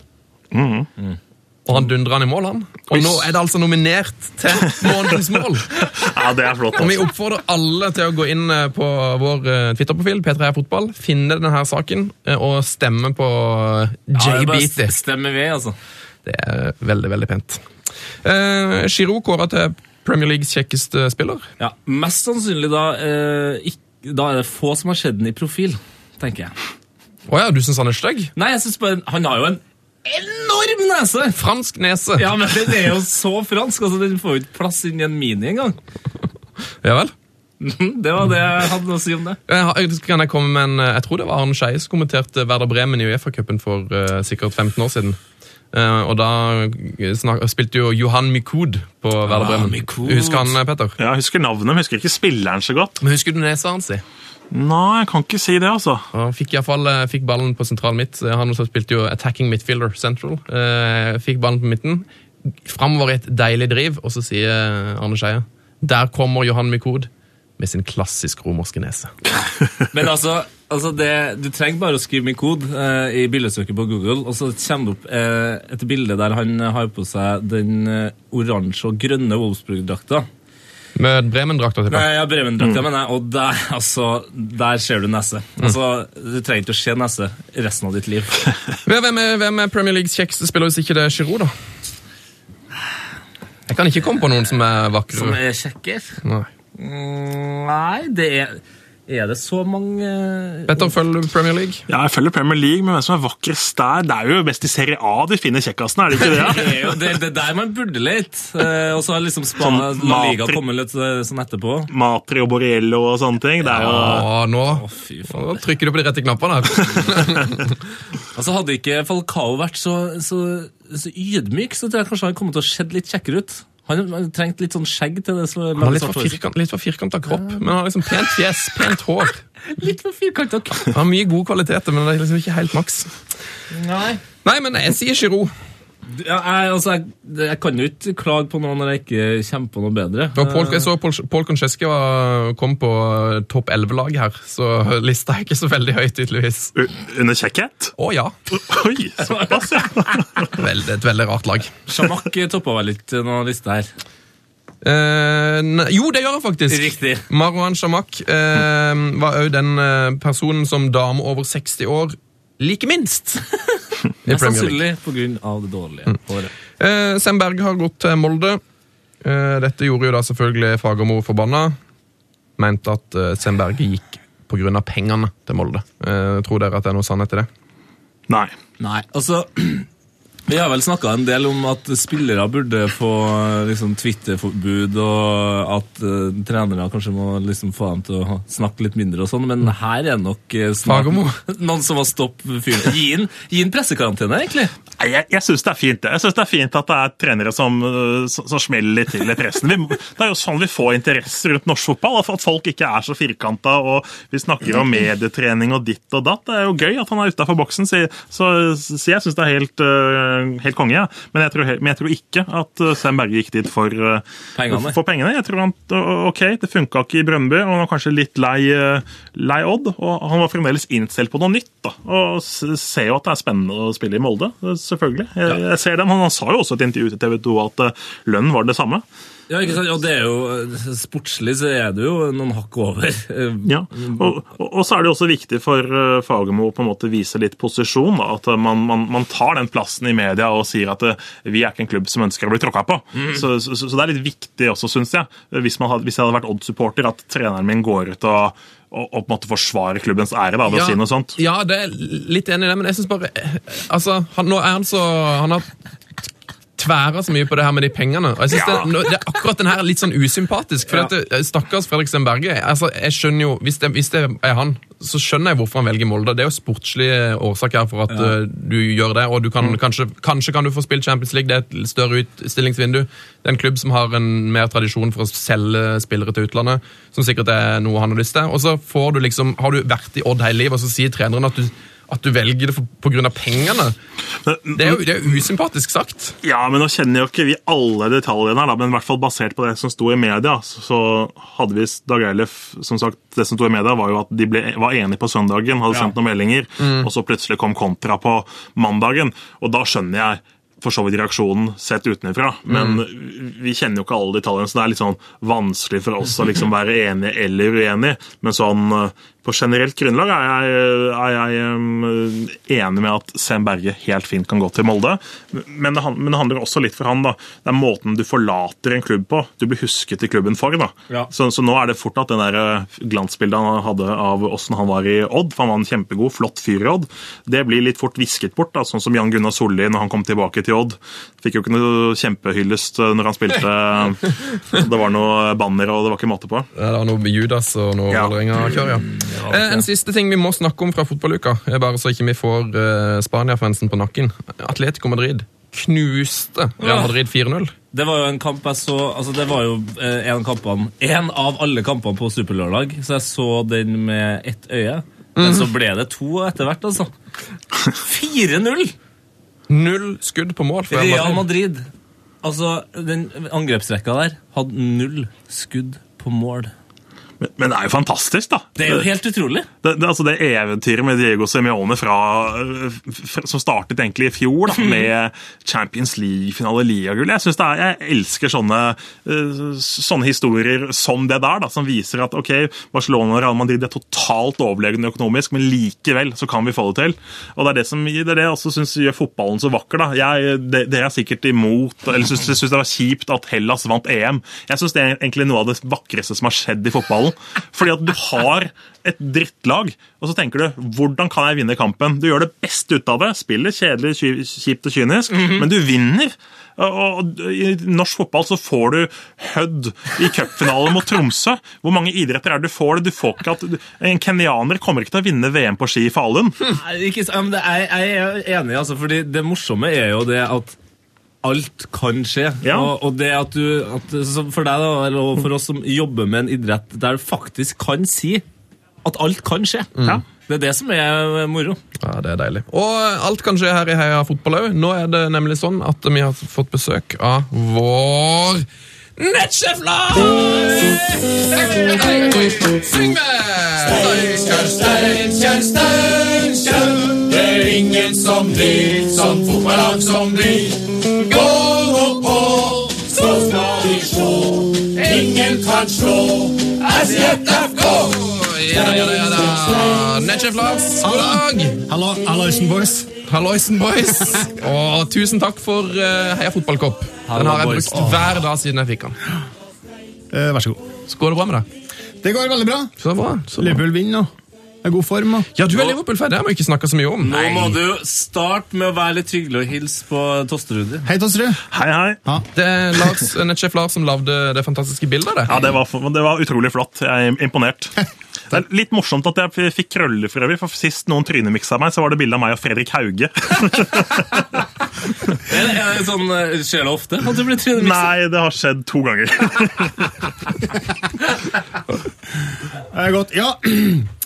Ja, hallo. Jeg kommer med breddenyheter her. Det, det er veldig bra. Det er litt mye, vet du. Det er en uh, populær spalte. Vi setter jo stor pris på smale breddetips. Husk at dere kan følge nettsjef Lars på Twitter. Ja. Søk opp nettsjef Lars, så finner du han. Ja. Følg han, Petter. Nei, heter han nettsjef Lars? Det er jo helt rått brukernavn. Om det er helt rått brukernavn. Han heter vel faktisk Sabrura, men jeg tror du må bytte til nettsjef Lars på sikt. Ja, på sikt må jeg vel kanskje det. Nei, Det gjør du. du Men hvis du søker Netchef Lars, så finner du han. eh, Veldig kjapt. Hva heter du på Twitter, forresten? jeg Petter BT. Petter BT. Enkelt og greit. Følg, følg, følg. Enkelt og greit. Litt, eh, litt breddefotball, da. Ja da, vi, altså, vi setter stor pris på tips, som sagt. Og vi har fått en e-post her fra Christian Lundberg. Hei, Christian. Hei, Kristian. Han kommer med noen breddenyheter fra 8. divisjon Akershus her. Oi. Det er bredt. Det er så bredt, det. Det er Få på breddeskiltet her. Han forteller om eh, altså, tidligere eh, mangeårig styreleder og investor i LSK Lillestrøm, da, Per Mathisen, som gikk av i fjor. Eh, Da sa han sittet siden 2002. eller noe sånt. I hvert fall nå har han gitt seg med den greia der, og tatt over som trener i hans hjemklubb Dalen IL. Dalen IL i åttende div. Akershus. Akershus, ja. Uh, og de har ambisjoner her, sin, for at uh, Ja, det trenger de. de har, uh, hvis de rykker opp, så har han lovt alle spillere med spilletid 1000 kroner i bonus. Det er jo ikke ille! Konge, det er et par flasker vin, det, eller en Ja. fotballdrakt, eller Ja, Det er Fifa, FIFA og FM for eksempel neste høst. Ja, eller en kvart prem, altså en Premier League-billett. Altså, Nei, det er jo fem, eh, fem Bundesliga-kamper på den billigste rad. Sesongkort for Bayern München. Hæ? Er det sant? Ja, du kan, få, du kan få de billigste sesongkortene hos Bayern München og Wolfsburg for 80 euro. Herregud. Det er, det er vakkert, rett og slett. Heia Tyskland. Det er det aldri jeg skulle si på den måten. Nå er jo du rasist, da. så Ja, det er greit. Det var ja. Ja. Må jeg, må, jeg, må jeg klarlegge hvorfor jeg sa at du var Nei, rasist? nei. si det gjerne igjen. Men eh, Hør åpninga på nytt, så skjønner du. Ja, bred videre. Ja, ja, ja. ja, vi har fått en e-post til fra Magnus Nilsen her. Hei, Magnus. Hei, Magnus. Hei, Magnus. Um, han sier Hei sann! Tenkte dere kanskje Dette kunne kanskje være noe for dere, smiletekten? Vi i Byåsen sjette divisjon er et lag med ambisjoner om å toppe fjorårets sesong. Og da kom de på andreplass. Uh, det her drever seg om tredjelaget til Byåsen, tenker jeg. eller? Det er jeg nok ganske sikker på, ja. Ja. Men hvis de skal få den ambisjonen der til å øh, bli en realitet, Ja. så må de ha en viktig brikke på plass. De mangler en keeper. Oi! Hei! Så de lurer på om vi, eh, om vi vet om noen som er aktuell. en av lytterne, hva som helst, virker som her. Jeg har en kompis som har stått i mål. Ja. Så får han på prøvespill til by. Byåsen tredje, sjette div. Hva tror du om at Ilen skal stå i mål? eh? Og det tror jeg Det vet jeg ikke om Byåsen er tjent med. Nei. Vi, da, men da spør vi hele lytterne, da. Ja. Eh, Bor du i nærheten av Byåsområdet eh, og er keeper, meld deg gjerne. Og er litt god, kanskje. Hvordan kan man få kontakt med disse gutta? Uh, Nei, se- Send det til oss, så sender vi det videre. Heia fotball, krøll, Nå kan du vi være litt sånn som deg, Petter. Ja, jeg tenkte på Skal jeg videresende noe mail? Vi, trenger, vi, vi må ha noe informasjon. Ja. Petter har en god keeper fra Ghana. Som er, han er liksom litt som Messi og Ronaldo. kan du si da. Skal kjøpe ut noen klausuler her. Ja. ja. Eh, men det står òg en hilsen til dere. Da, Tette. Ja dere er faktisk invitert på prøvespill på Byåsen. Oi, oi, oi, oi storsignering. Tete Lidbom på gang. Så det her kan jo være spennende. kanskje prøv der før du prøver Rosenborg. Jeg vet ikke. Ja, her, jeg skal også kanskje på prøvespill på, på noe St- Strindheim i samme nivå her nå. Så tilbake til min gamle klubb. Så det, nå må jeg jo, føler jeg meg ettertrakta. Hva, hva skal jeg gjøre nå, Petter, når jeg har tre klubber som eh, Hvordan skal jeg forholde meg til det? Nei, eh, jeg vet ikke helt åssen åssen er formen, eh, først og fremst. Mm, Formen er Spør om noe annet. Spør om noe annet. Nei, Jeg vet ikke hvor høyt du skal sikte, men jeg har hørt tidligere at du har snakket om at du skal prøve deg på noe tippeligaprøvespill. Hadde vært veldig morsomt å få fått dokumentert det. da, få sett noe video fra deg. Jeg er veldig spent når det har gått såpass høyt ut. Men, men jeg liker folk som går høyt ut. da, Du skal, du, Ja. du skal ha for det. Men jeg foreslår Strindheim før Rosenborg, for å si det sånn. da. Ja, det, det er godt å høre. Jeg, jeg, jeg tror jeg skal gå for Strindheim først her nå. Dere får signere kontrakt etterpå, dere to. Ja. Men Lars, Ja, å ja, ja, ja, om det er mer, ja. Oh, ja. Eh, forrige pod så snakka vi om første runde i cupen. ja. Det gjør vi. Og i den forbindelse så får vi en e-post fra Tor Olav Lien her. Hei, Tor Olav Lien. Heia fotball. Eh, Hei. Heia fotball, boys! Heia Dere- fotball! Halla. Dere snakka Boys. Jeg skal, la- jeg skal la det fortsette. Du har, du har ordet. Takk for det, Sven. Vær så god. Dere snakka om lag med rare navn i forbindelse med første runde i cupen, og trakk fram annet fotballklubben Hei. Ja, det er kanskje det dummeste Nei, det er mitt favorittnavn, faktisk. Hei, Hjell. Hei, Heil. Um, Ha det. det beste med navnet uh, er faktisk navnet på banen. Og den Her er artig. Jeg liker at du sier det før du sier hva det er. Det er artig. Og den heter faktisk Heibury. For det er ikke noe gøy. Å, herre min. Hei, Børri. Hei, Børri. Det er nydelig. Ja, det er vakkert. Ja, det er kjempebra. Og så tenker jeg at Send oss bilder. Hei, Børri, Dette vil jeg se. få, få, det, på, få det på her. Eh, basert på den humoren de har i Porsgrunn, da. For det er jo eh, Porsgrunn. Det er Porsgrunnslaget. Ja. Så har jeg laga en, liten liste med tilsvarende forslag på hjemmebaner som andre lag kunne Du har det, ja! bytta For nå sitter jeg og kverner som bare det. Ja, her, Åh, Sleng dere på her hvis dere kommer på noe. det var bra du gjorde det nå. Første lag Ja. Her er jo kanskje åpenbart, men Søndreland IL ved Toten Hvorfor spiller ikke de på Lysets stadion? Ah. Eller Løsets stadion, som det kanskje heter. Søndreland, ja, tok en. Ja. Ja, ja, ja. Eh, Likeens i Hardanger har de Lofthus IL. Det er jo kanskje åpenbart. Den er åpenbar. Lofthus. Lofthus Road. Hvorfor heter den ikke Loft, Lofthus Road? her er det bare bytt, altså. Ja. Håper folk følger med. Uh, Varden IL i Meråker. Den er litt smal, men. Fy fader. Å, fy fader. Å, fy fader. Og her er min favoritt, da. Det var min favoritt. Er. Verokala. Jeg tenker at alle fotballagene i Hallingdal burde spille på Old Trafford.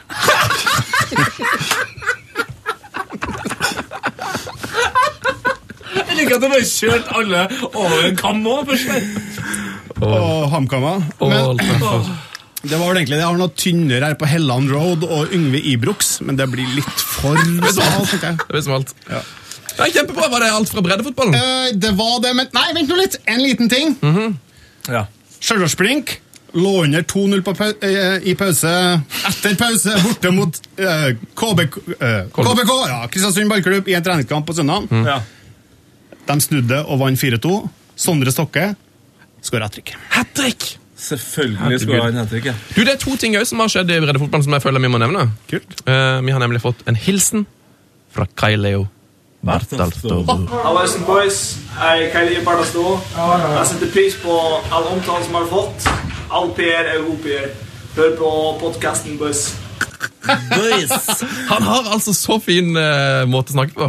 Leo Bartalsto. Har, du hørt, har du hørt om han spilleren her, eh, Petter? Ja, jeg har faktisk hørt om han, og jeg synes det er morsomt med sånne spillere som spiller litt lenger ned i, i divisjonene. Nå spiller for så vidt han i en eh, ok klubb nå, da, men Ja. eh, sånn som Rogvi Baldvinsson, som, eh, som var vel innom Bryne, nå er han vel tilbake i Ålgård, som spiller for landslaget til Færøyene og plutselig spiller landskamp mot, mot Balotelli, og det er ikke måte på. Jeg tror han blir kåret til banens beste ja, mot, mot Italia.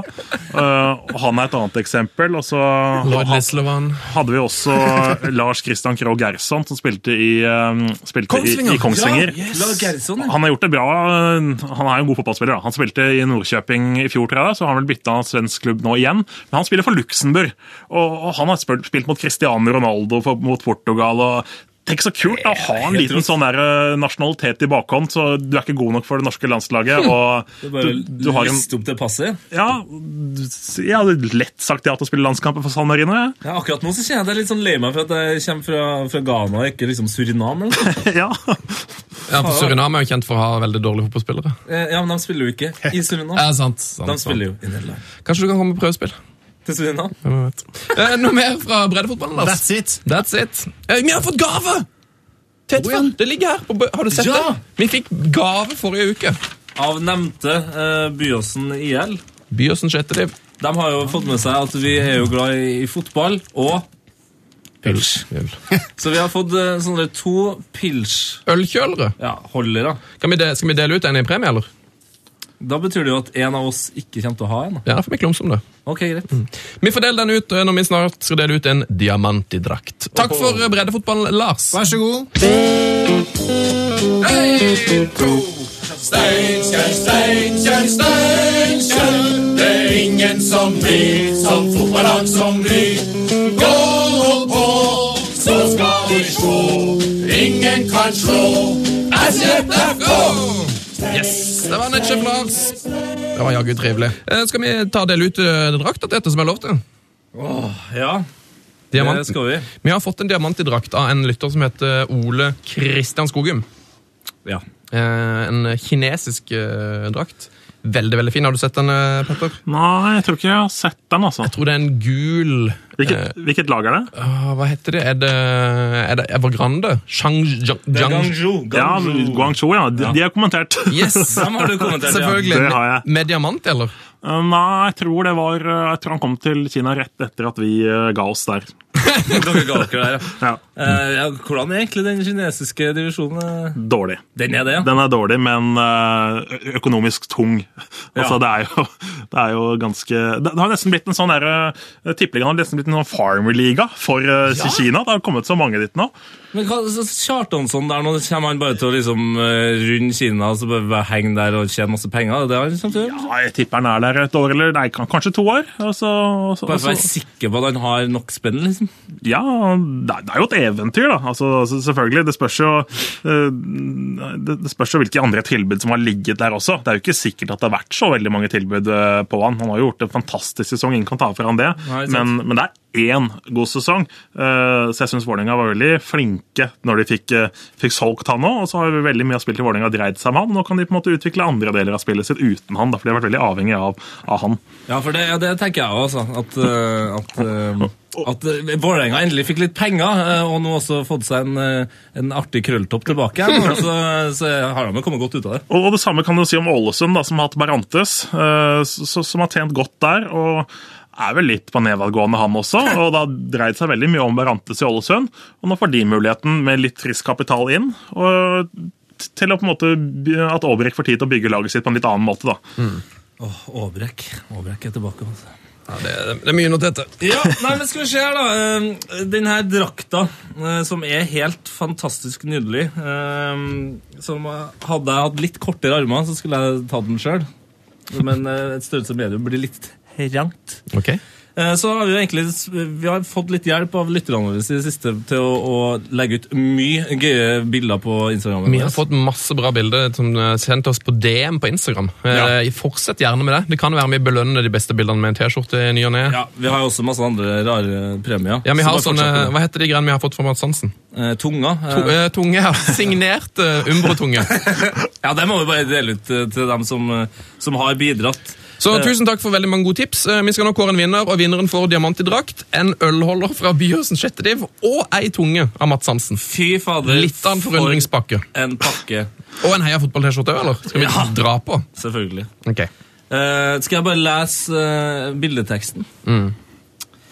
Et badehåndkle måtte bøte med livet for å gi sjuåringen ei Maradona-drakt. Mor sydde og far designet. Ulempen med frotté er at man raskt vokser ut av drakta. Det er ikke fryktelig mye stretch å gå på. Heia fotballdrakt.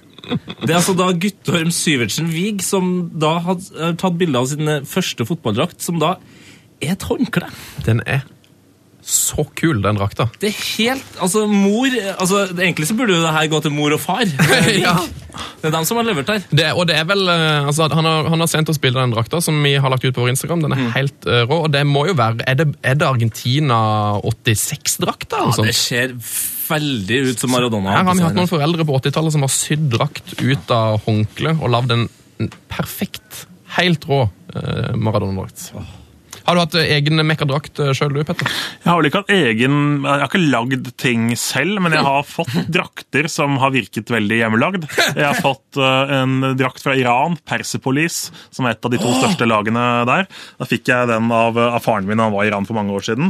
Og det der eh, Han hadde fått Petter og drakt nummer åtte eller noe sånt bakpå. Det er ganske lenge siden. da. Eh, Det falt ganske fort, eller, fort av, de tingene bak, og også egentlig foran. Så, så jeg vet ikke hvor offisiell eller hvor god den klubbsjappen var, da, kan du si. Spiller, spiller de i røde drakter, eller? Ja, Det gjør de. det gjør de. Er det de som har, eh, er det de som har 100 000 uh, Ja, det er noe sånt, og så er det vel de som eh, det var Bård Tufte Johansen hadde vel eh, Ja. en tur ned dit på fotballkrigen, og jeg tror det var slik at alle kampene mellom de to lagene endte uavgjort, eller noe sånt. Det, det det, var, gjør, det er alltid uavgjort, ja. Ja. Det, er lik, det er lik så greit. ja. Du, nå tar vi litt paust av breivet. Gratulerer med drakta, popkorngutten Guttorm. Guttorm Syvertsen Vyg. Post og brevet, post og brevet, post og brevet. Post og brevet, vi har fått post fra deg! Velkommen til Post og brevet. Og brev. Fått så utrolig mye fin post, eh, og jeg må dessverre si det har gått, vi har brukt så mye tid, vi rekker ikke å ta alt. Men neste uke så skal jeg love deg at du skal ta mye, skal ta noen eh, Blir ekstra. det er- blir det en, blir det en post og brev spesial neste uke? Neste uke er du borte, Tete. Så neste uke blir det vikarer, og de skal få lov til å bryne seg på, på spørsmålene. Da kommer Ken og Torkil på besøk. Det blir skikkelig kose da. Så send gjerne inn spørsmål hvis det er noe dere vil vi skal diskutere i neste ukens Post og brevet. Eh, Kan ta én, da. Én Post og brevet. Ja, jeg, jeg sier to. Vi tar to. Fått en veldig veldig fin post fra Tormod Jorde. Eh, og han skriver Hei, fotball! Heia fotball. Jeg har hørt alle episoder av podkasten, men jeg har enda ikke hørt dykk prate om hvor utrolig lik Andrea Pirlo er på Jahn Teigen. Det er helt kokos og vanvittig sjukt, og så har han sendt inn to bilder Ja. som altså beskriver dette, og det er jo Det, det er veldig likt. ja, det er farlig likt. Ja, kanskje sånn om 50 år, tenker jeg. Riktig. Og det er jo her vår nettsjef Lars kommer inn i bildet. Fordi han har jo da brukt noen, eh, noen minutter av sin arbeidsuke på å putte Pirlo inn i fjeset. Det, er, altså, det, er helt, det ser bare ut som Jahn Teigen har skjegg. Det ser bare ut som Pirlo har gitt ut en skive om 20 år. De har helt, helt likt uh, munnparti, veldig lik nese, like øyne. Pirlo litt bedre sveis. Litt bedre. Litt bedre hud. Ja. Men ellers altså, utrolig likt. Så tusen takk for tips, Tormod Jorde. Du kan se eh, Jahn Teigen og Pirlo i, på vår eh, Instagram-profil. Der Ja. med P3 Heia Fotball. Yes. Og siden vi har eh, en Afrikamesterskap-ekspert her, eh, og vi snakka en del om eh, Afrikamesterskapet både det her og sist, sist pod, så har vi fått fra vår kjære venn, en av våre kjæreste venner, vil jeg påstå å si, Sjur Mikael Dolve. Hei, Sjur Mikael! Hei. Um, I forrige utgave pratet dere både om Afrika og ikke minst gode klubbnavn. Har dere satt dem her sammen noen gang? Tenkt litt på det. Eh, Fordi da får man altså eh, King Faisal Babes eh, fra ghanesisk nivå 2. Du har Morocco Swallows. Ja, Det er favoritten min. Ja, det er din favoritt. Eh, Det betyr jo svala, men man Morocco tenker om det- Swallows. Ja, I hvert fall i disse Fifty Shades of Grey-tider. De spiller da i toppdivisjonen i Sør-Afrika. Du har også en av mine favoritter, Eritrea Shoe Factory. De, spiller, de er ikke fra Eritrea, de spiller i Etiopia. Og så har du også Ethiopian Insurance FC. Og Harar Bear Bottling FC. Det er også ryddig. I Botswana så finner du Botswana Meat Commission Er det et lag? Botswana Meat Commission. og Extension Gunners. Og Golden Bush. Det er mye bra. Ja, nei, altså Det er flere her, eh, men jeg tror nesten vi må spare dem til en annen gang. Fordi det, det er for vilt. altså. Send oss gjerne flere morsomme lagnavn. Det tar vi gjerne imot. Jeg, jeg ser for meg at uh, det må være noen bra i f.eks. serien uh, til Nå glemte jeg faktisk det landet jeg skulle til. Men, Kult. kult. Kult. Eh, skal vi avslutte med en siste mail, Dette? Jeg fant en her som, som passer som fin avslutning. Eh, Halla boys, skriver Ulrik Monsrud. Dere må spille Deila-sangen på podden. Det stemmer. Eh, han har jo fått sin eh, nye supportersang nå, Ronny Deila. Eh, jeg kan tenke Kanskje vi bare kan ta avslutte med denne i dagens Post og brevet. Det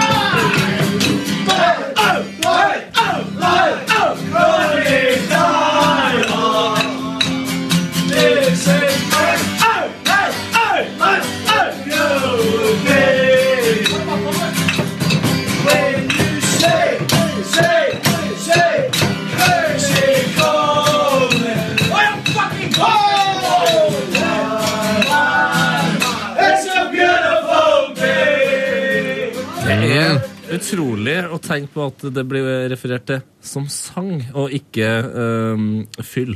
Men, men det fins video av den nå, for jeg så faktisk videoen i går. Det helt eh, sykt tilfeldig. Det er noen karer som sitter hjemme i en stue eller noe sånt, som plutselig eh, spiller opp til fest. Det er nydelig. Uh, jeg har eh, dårlige nyheter. Petter er i ferd med å bli kasta ut fra studio, så Nei! vi må rett og slett drite i shit Dæven, vi rakk ikke. Shit, det rakk vi ikke. Quizen får vi ta etter at uh, vi har kjørt gjennom en glory hall. Det kommer quiz, men først må vi bare ta en liten glory hall sammen med, med Petter.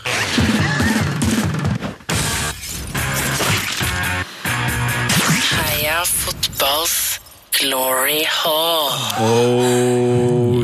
Vi har rett og slett prata fra oss studio, Petter. Er ikke det trist? Jo, det er, det er trist. Men også veldig positivt, det betyr at vi har kosa oss. Det betyr at vi har uh, hatt det gørrtrivelig. Eh, har du en favorittspiller som burde vært i glory Hall vår, Petter? Eh, ja, egentlig mange. Uh, husker jeg skrev eksamensoppgave på ungdomsskolen. Oppgaven var 'A person you admire'. Alle skrev om Gandhi og Desmond Tutu, og det var ikke en måte på. Jeg skrev om Tommy Nilsen. Tommy Nilsen! Karamba, Tommy! Karamba-Tommy, Lyns mestskårende spiller på 90-tallet. Uh, gikk ned to karakterer for at jeg skrev om han. uh, men det var verdt det.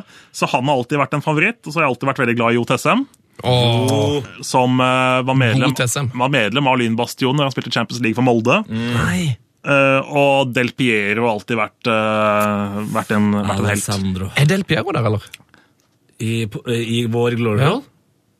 Jeg tror jeg får si det. Nei, han er ikke. Kanskje Det er en skam. Det, han, han bør inn på sikt. Vi har god tid. Hvem er det som er der? Kafu? Batistuta. Arild Berg? Ronaldinho. Ja. Nå skal det inn en ny helt. Rett på han. Lår. Lår. Lår.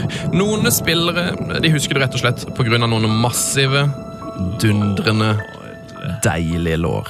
Roberto Carlos, kanskje? Kanskje du tenker på lårene til Roberto Carlos akkurat nå? Hva vet jeg? Kanskje du tenker på Patrick Vieira? Vet Det er ikke. lange lår, altså. Nei, da tenker jeg, altså, for han er mer sånn hengslete. Kanskje hengslete spillere er din greie. Lange, tynne blein. Lange, tynne bein. Tor André Flo ser det for deg. Eller tenner du kanskje på tennene? Kanskje du liker Suárez? Ronaldinho? Kanskje du er en hårmann? Blir du sløret i blikket av tanken på hockeysveisen til Chris Waddle? Eller blir du skjelven av tanken på krøllene til Lloyd Lislevan. Du skal vite det, at du er ikke alene der ute. Utseendet har mye å si for vårt forhold til fotballspillere.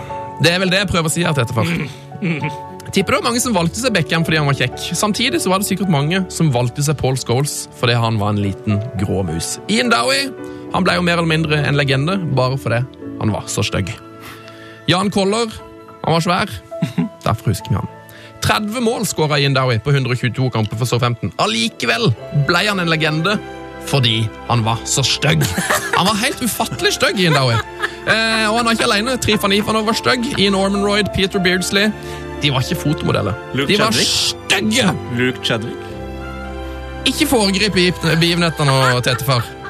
Det er de stygge andungene vi skal hylle i dag. Den styggeste katten i andammen han skåra to mål for Manchester United i 2001. Det første kom i en kamp mot Bradford i januar, det andre kom mot selve sterkerivalen Leeds i mars. Og selv om han bare skåra to mål for Manchester United på 25 kamper, så kommer nok ingen på Old Trafford noensinne til å glemme Luke Chadwick. Han kan fort ha vært den beste Premier League-spilleren noensinne med tannregulering og nettopp stått opp sveis. Luke Chadwick, så stygg at folk glemmer hvor han spilte på banen. Luke Chadwick, legenden. Herregud, jeg er glad for at jeg fikk oppleve det. Kjære Luke Chadwick, du var kanskje den styggeste ungen i andedammen, men du vil for alltid bli huska som den vakreste svanen i Heia Fotballs Glory Hall. Oi! Sånn var det. Den var litt ufin, men, men det er jo det jeg husker den som selv. Nei, han, han er, men altså, jeg elsker, jeg elsker Luke Chadwick. Og jeg kan melde om at han har blitt kjekk, altså. Han har blitt kjekkere. Mindre ukjekk. Hvor er han nå? Han er faktisk i Cambridge. Cambridge United. Spilte jo Paul Trafford nettopp. Ja, det gjør det. Og Derfor har jeg tenkt så mye på han i det siste. Ah, Luke. Petter Bø Tosterud, det var helt konge at du var innom. Eh, Du får komme igjen en annen gang, for vi har mer å snakke om. Ja, det var kjempehyggelig å være her. Så bra. Eh, Og kos deg med Freiburg-Herta. Ja, Herta. Det skal, vi skal huske på å skru på Eurosport på søndag. i hvert fall. Søndag halv fire. Halv fire. tune inn. Mm. Kjøttkake og fotball. Ja, så bra. God helg! Takk i like måte. heia fotball! Heia fotball! Heia fotball! Heia fotball! Ja, Skal vi ta quiz, da. quiz, da? Du, skal vi, skal vi lure inn Shitterakvika, eller?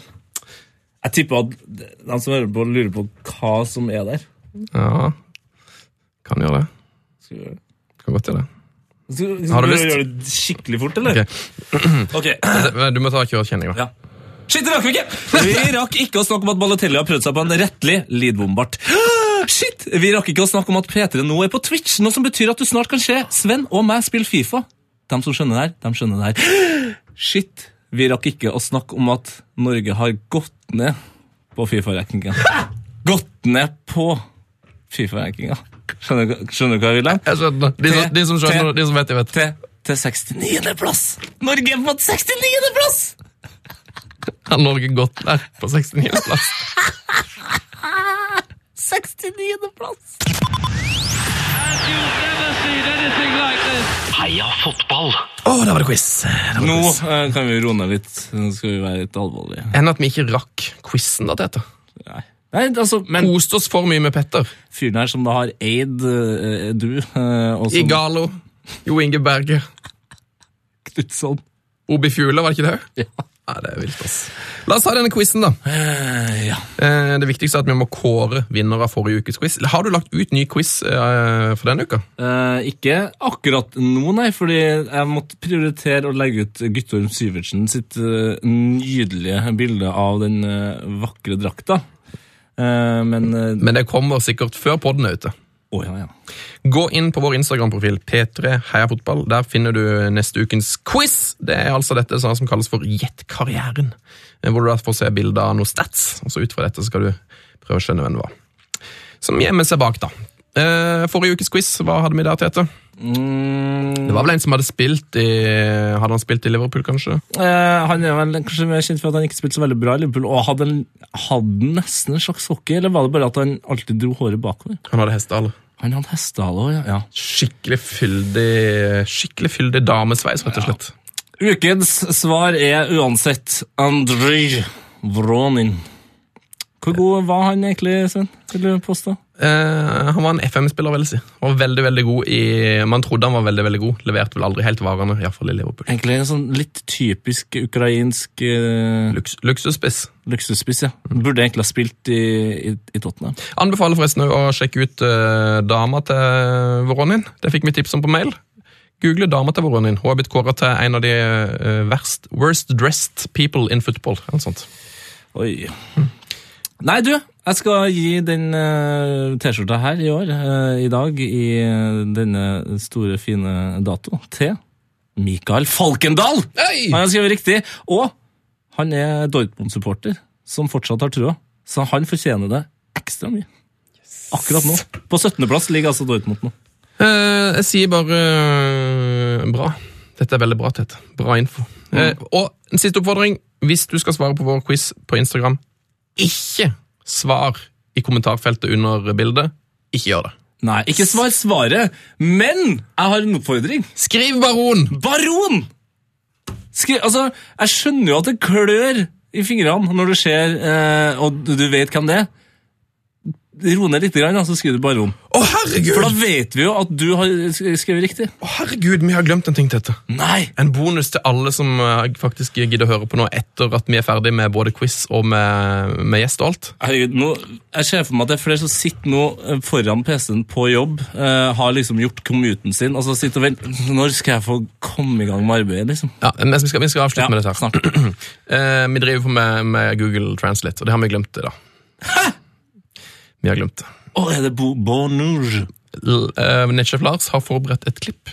Vi skal da høre Google Translate-versjonen av Norge-Brasil. I et slags hørespill. Hør på dette. Det er, for, det er kjørt for lengst. Og er det straffespark Nei, vi- vi Ja! Er det straffespark, dere? Deilig.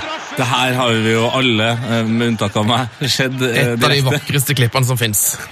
Men eh, nå har eh, vår nettsjef Lars lagd en Google-versjon. Vi skal høre den straks. Bare med å kose oss litt med skeier. Vi har reist oss på plassene våre. Og Kjetil Rekdal fra Han skårer! Norge leder 2-1! Norge leder! Viva la Norvège! Og led Norge! Kjetil Jeg har ikke opplevd maken! Og dette med det er fullt hjerte. 2-1 til Norge. Åh. Åh. Alle hjemme.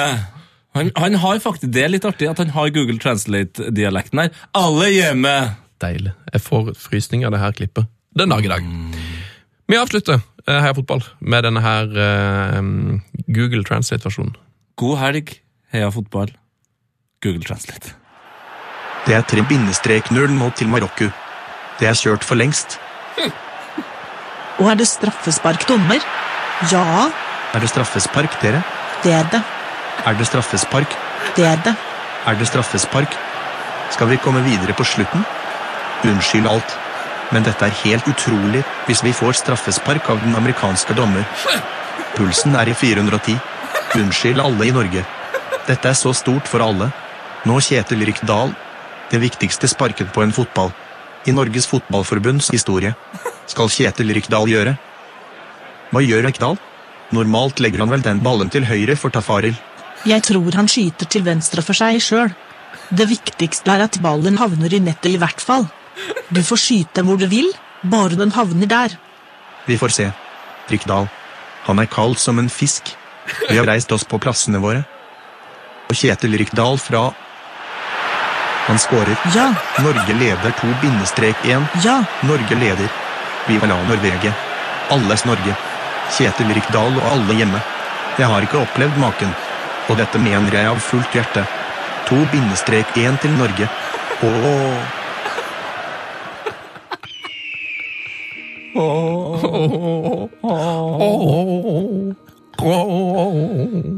Han sliter jo med, sliter jo med samme som meg. En slags eh, angst for å avslutte podden. Nei da, det går bra. Du, oh, så nå må vi, nå må vi ta helg. Nå tar vi helg. Um, Heia fotball. Heia fotball. Frank de Boer speelt de bal. Heel goed naar Dennis Bergkamp. Dennis Bergkamp. Dennis Bergkamp neemt de bal aan. Dennis Bergkamp. Dennis Bergkamp. Dennis Bergkamp. Dennis Bergkamp. Dennis Bergkamp. Oh! Frank de Boer speelt de bal. Bal feilloos aan. En ik schiet hem al erin. We spelen nog officieel 20 seconden. Dennis Bergkamp. P3s Heia fotball. Ny episode hver fredag. Last ned din nye favorittpodkast på p3.no podkast. P3.